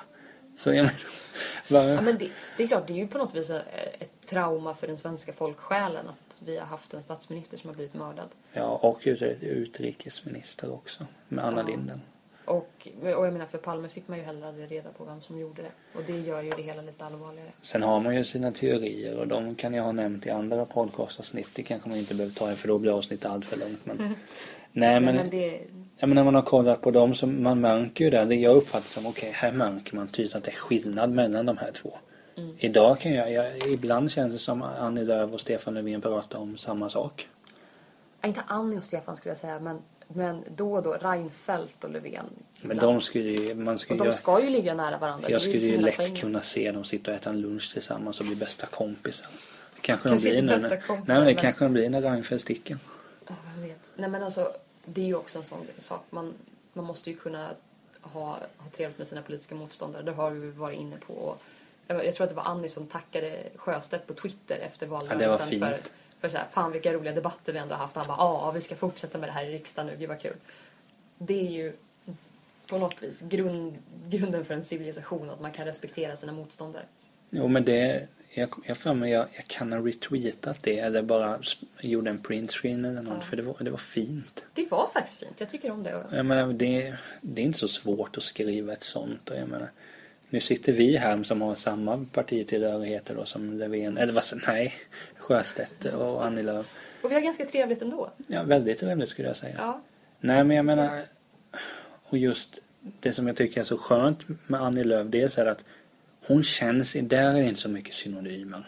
Där är det liksom, det är lite mer redig småländska så. ja, jag menar sen hon, hon känns så harmonisk och skön röst att lyssna till. Ja, och jag tror att hon är så här, hon är en sån person som är tillfreds med sig själv och det gör på något vis att man blir tillfreds också när man lyssnar på henne för man Sen känner att hon bottnar i sig själv. Jag för mig jag läst eller hört att hon har spelat fotboll också. Ja, målvakt. Någon typ av division. Jag vet Ja jag men, jag, jag, sånt men målvakter, jag, jag kan respektera det för det är ändå ett Ja. jävla ansvar. Ja, verkligen. Väldigt utsatt position. Men vi säger, har, har du och Annie nära samarbeten eller? Ja, men alltså, vi känner ju varandra lite sen ungdomsförbundstiden. Hon var ju viceordförande på den tiden när jag började. Ja. Hon avgick ju som viceordförande i CUF 2007 för att hon hade kommit in i riksdagen. Ja. Eh, och det är ju... Vad ska man säga? Det, det gick väldigt snabbt därifrån till att hon blev partiledare. För det blev hon ju bara... Vad blir det? Herregud, fem år senare. Det är inte så lång tid. Det är jättekort tid. Det är nog ovanligt kort tid. Det, det händer nog inte så många andra. Men Ja, men, hon är jäkligt duktig. Jo, så- men det är har ju- någonstans där man kan... Det är lätt att lyssna på henne just för att man vet att, att någonstans det hon liksom är i vår generation, dig och mig. Men oss skiljer det bara två år. Och Annie, vad var hon, 30? Då, då är jag sex år yngre, liksom. Sex, sju år yngre. Det är inte så mycket. Nej. Många av politikerna är liksom 30 år äldre. Ja, men precis. Och hon, men hon är faktiskt också en väldigt sympatisk människa. Hon bryr sig hon- om andra människor. Hon verkar så trevlig. Jag gillar henne väldigt mycket. Men sen kanske jag inte röstar på henne. Nej, men det behöver man ju som sagt inte göra. Nej, men Bara nej. man har liksom någon typ av grundläggande respekt för andra så... Jo men det, alltså, det måste, många, alltså, många gånger kan man ju, man, det kan ju vara lite fint att liksom se hur mycket Jan Björklund brinner för det han snackar Mm. om. Sen som sagt, jag behöver inte tycka att han... Att han har rätt. Nej men, men, han är i alla fall engagerad. och någonstans är det fint. Jag menar, jag är ju säker på att du hade tyckt det var jättekul att se om jag hade varit jätteengagerad för att socialismen är det bästa. Sen som sagt, jag tror inte du lägger personer röst Niklas Tält. Nej, men man, jag blir alltid glad när någon har satt sig ner, tänkt till och engagerat sig.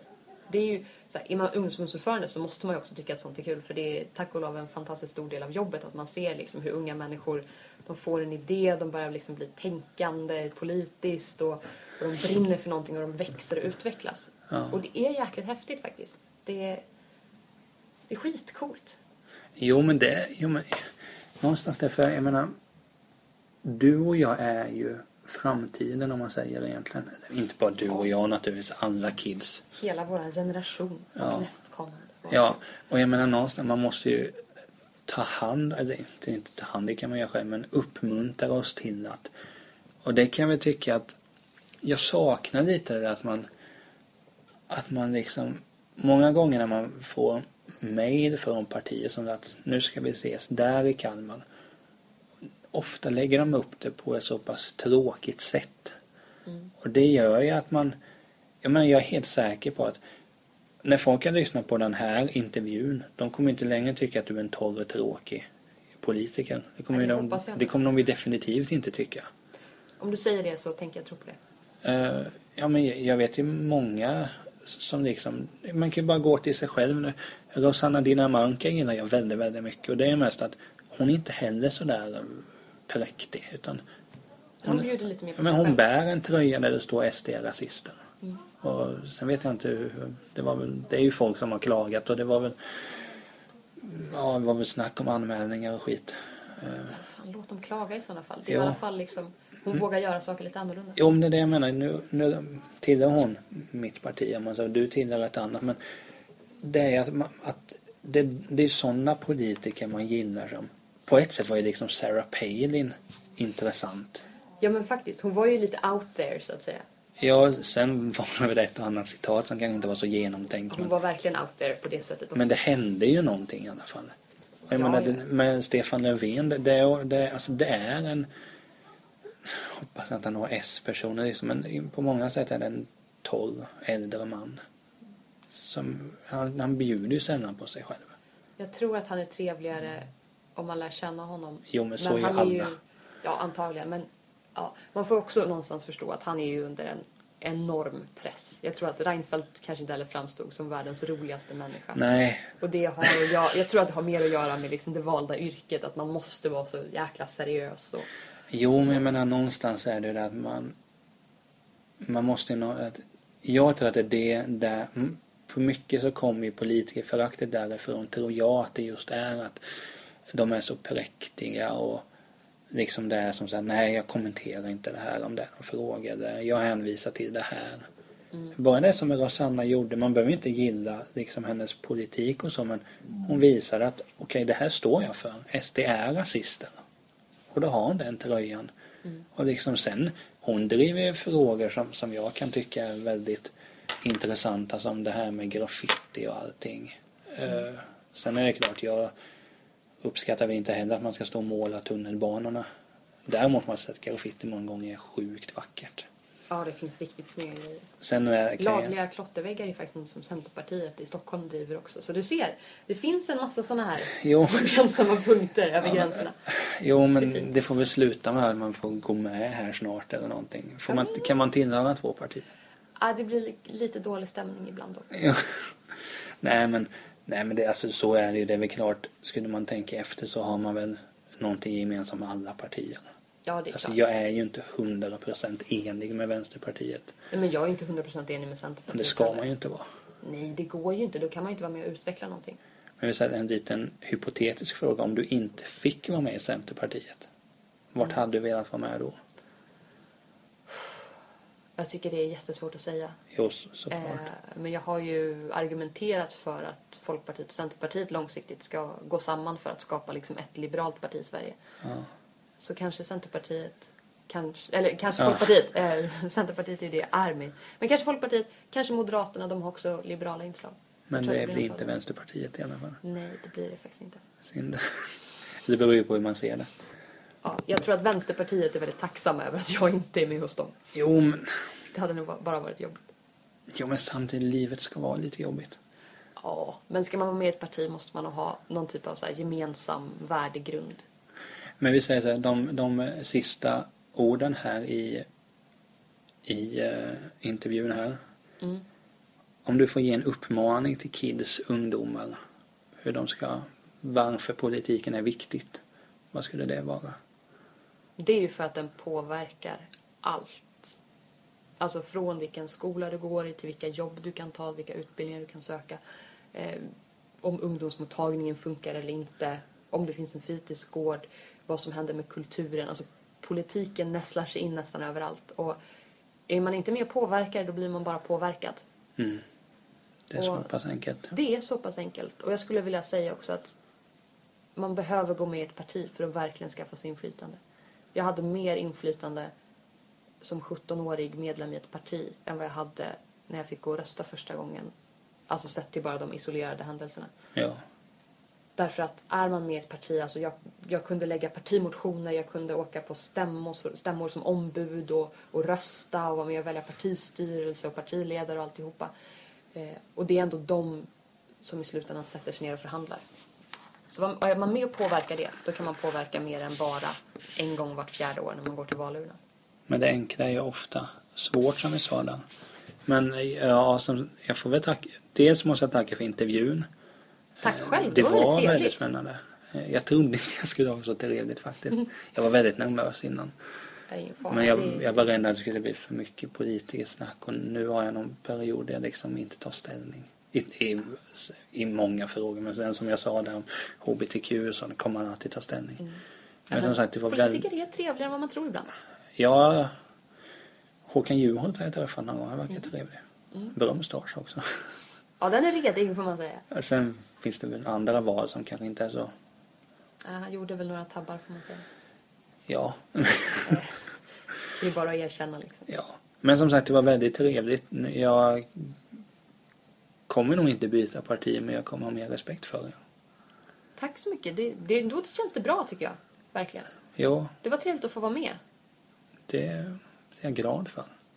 Jag hoppas att du hittar andra trevliga och bra politiker och intervjuer också. Jag har hört mig för till fem stycken tror jag, bara får svar från dig. Jag är alltså inte sämst på att svara på mejl. Det känns också väldigt Nej, men jag, bra. men jag, alltså, jag kommer ihåg när jag, när jag mejlade dig, det, jag, det dröjde inte särskilt lång tid innan jag fick svar på det. Nej, det var för att jag satt på ett partistyrelsemöte då och då kunde jag svara. Ibland går det flera dagar för att jag har liksom Jo men det får man ju någonstans vänta. Alltså, det är ju, det, här, jag säga, det är mer svinaktigt, nej svinaktigt ska jag säga. Men det är mer rimligt att det tar några dagar för dig som är politiker än mig som är liksom en civil ja, knegare ska vi inte säga. Men jag, jo, jag säger att jag är en knegare. Är sen, okej. sen behöver inte folk hålla med men liksom en vanlig 7-4 kille som går hem och kollar Netflix sen.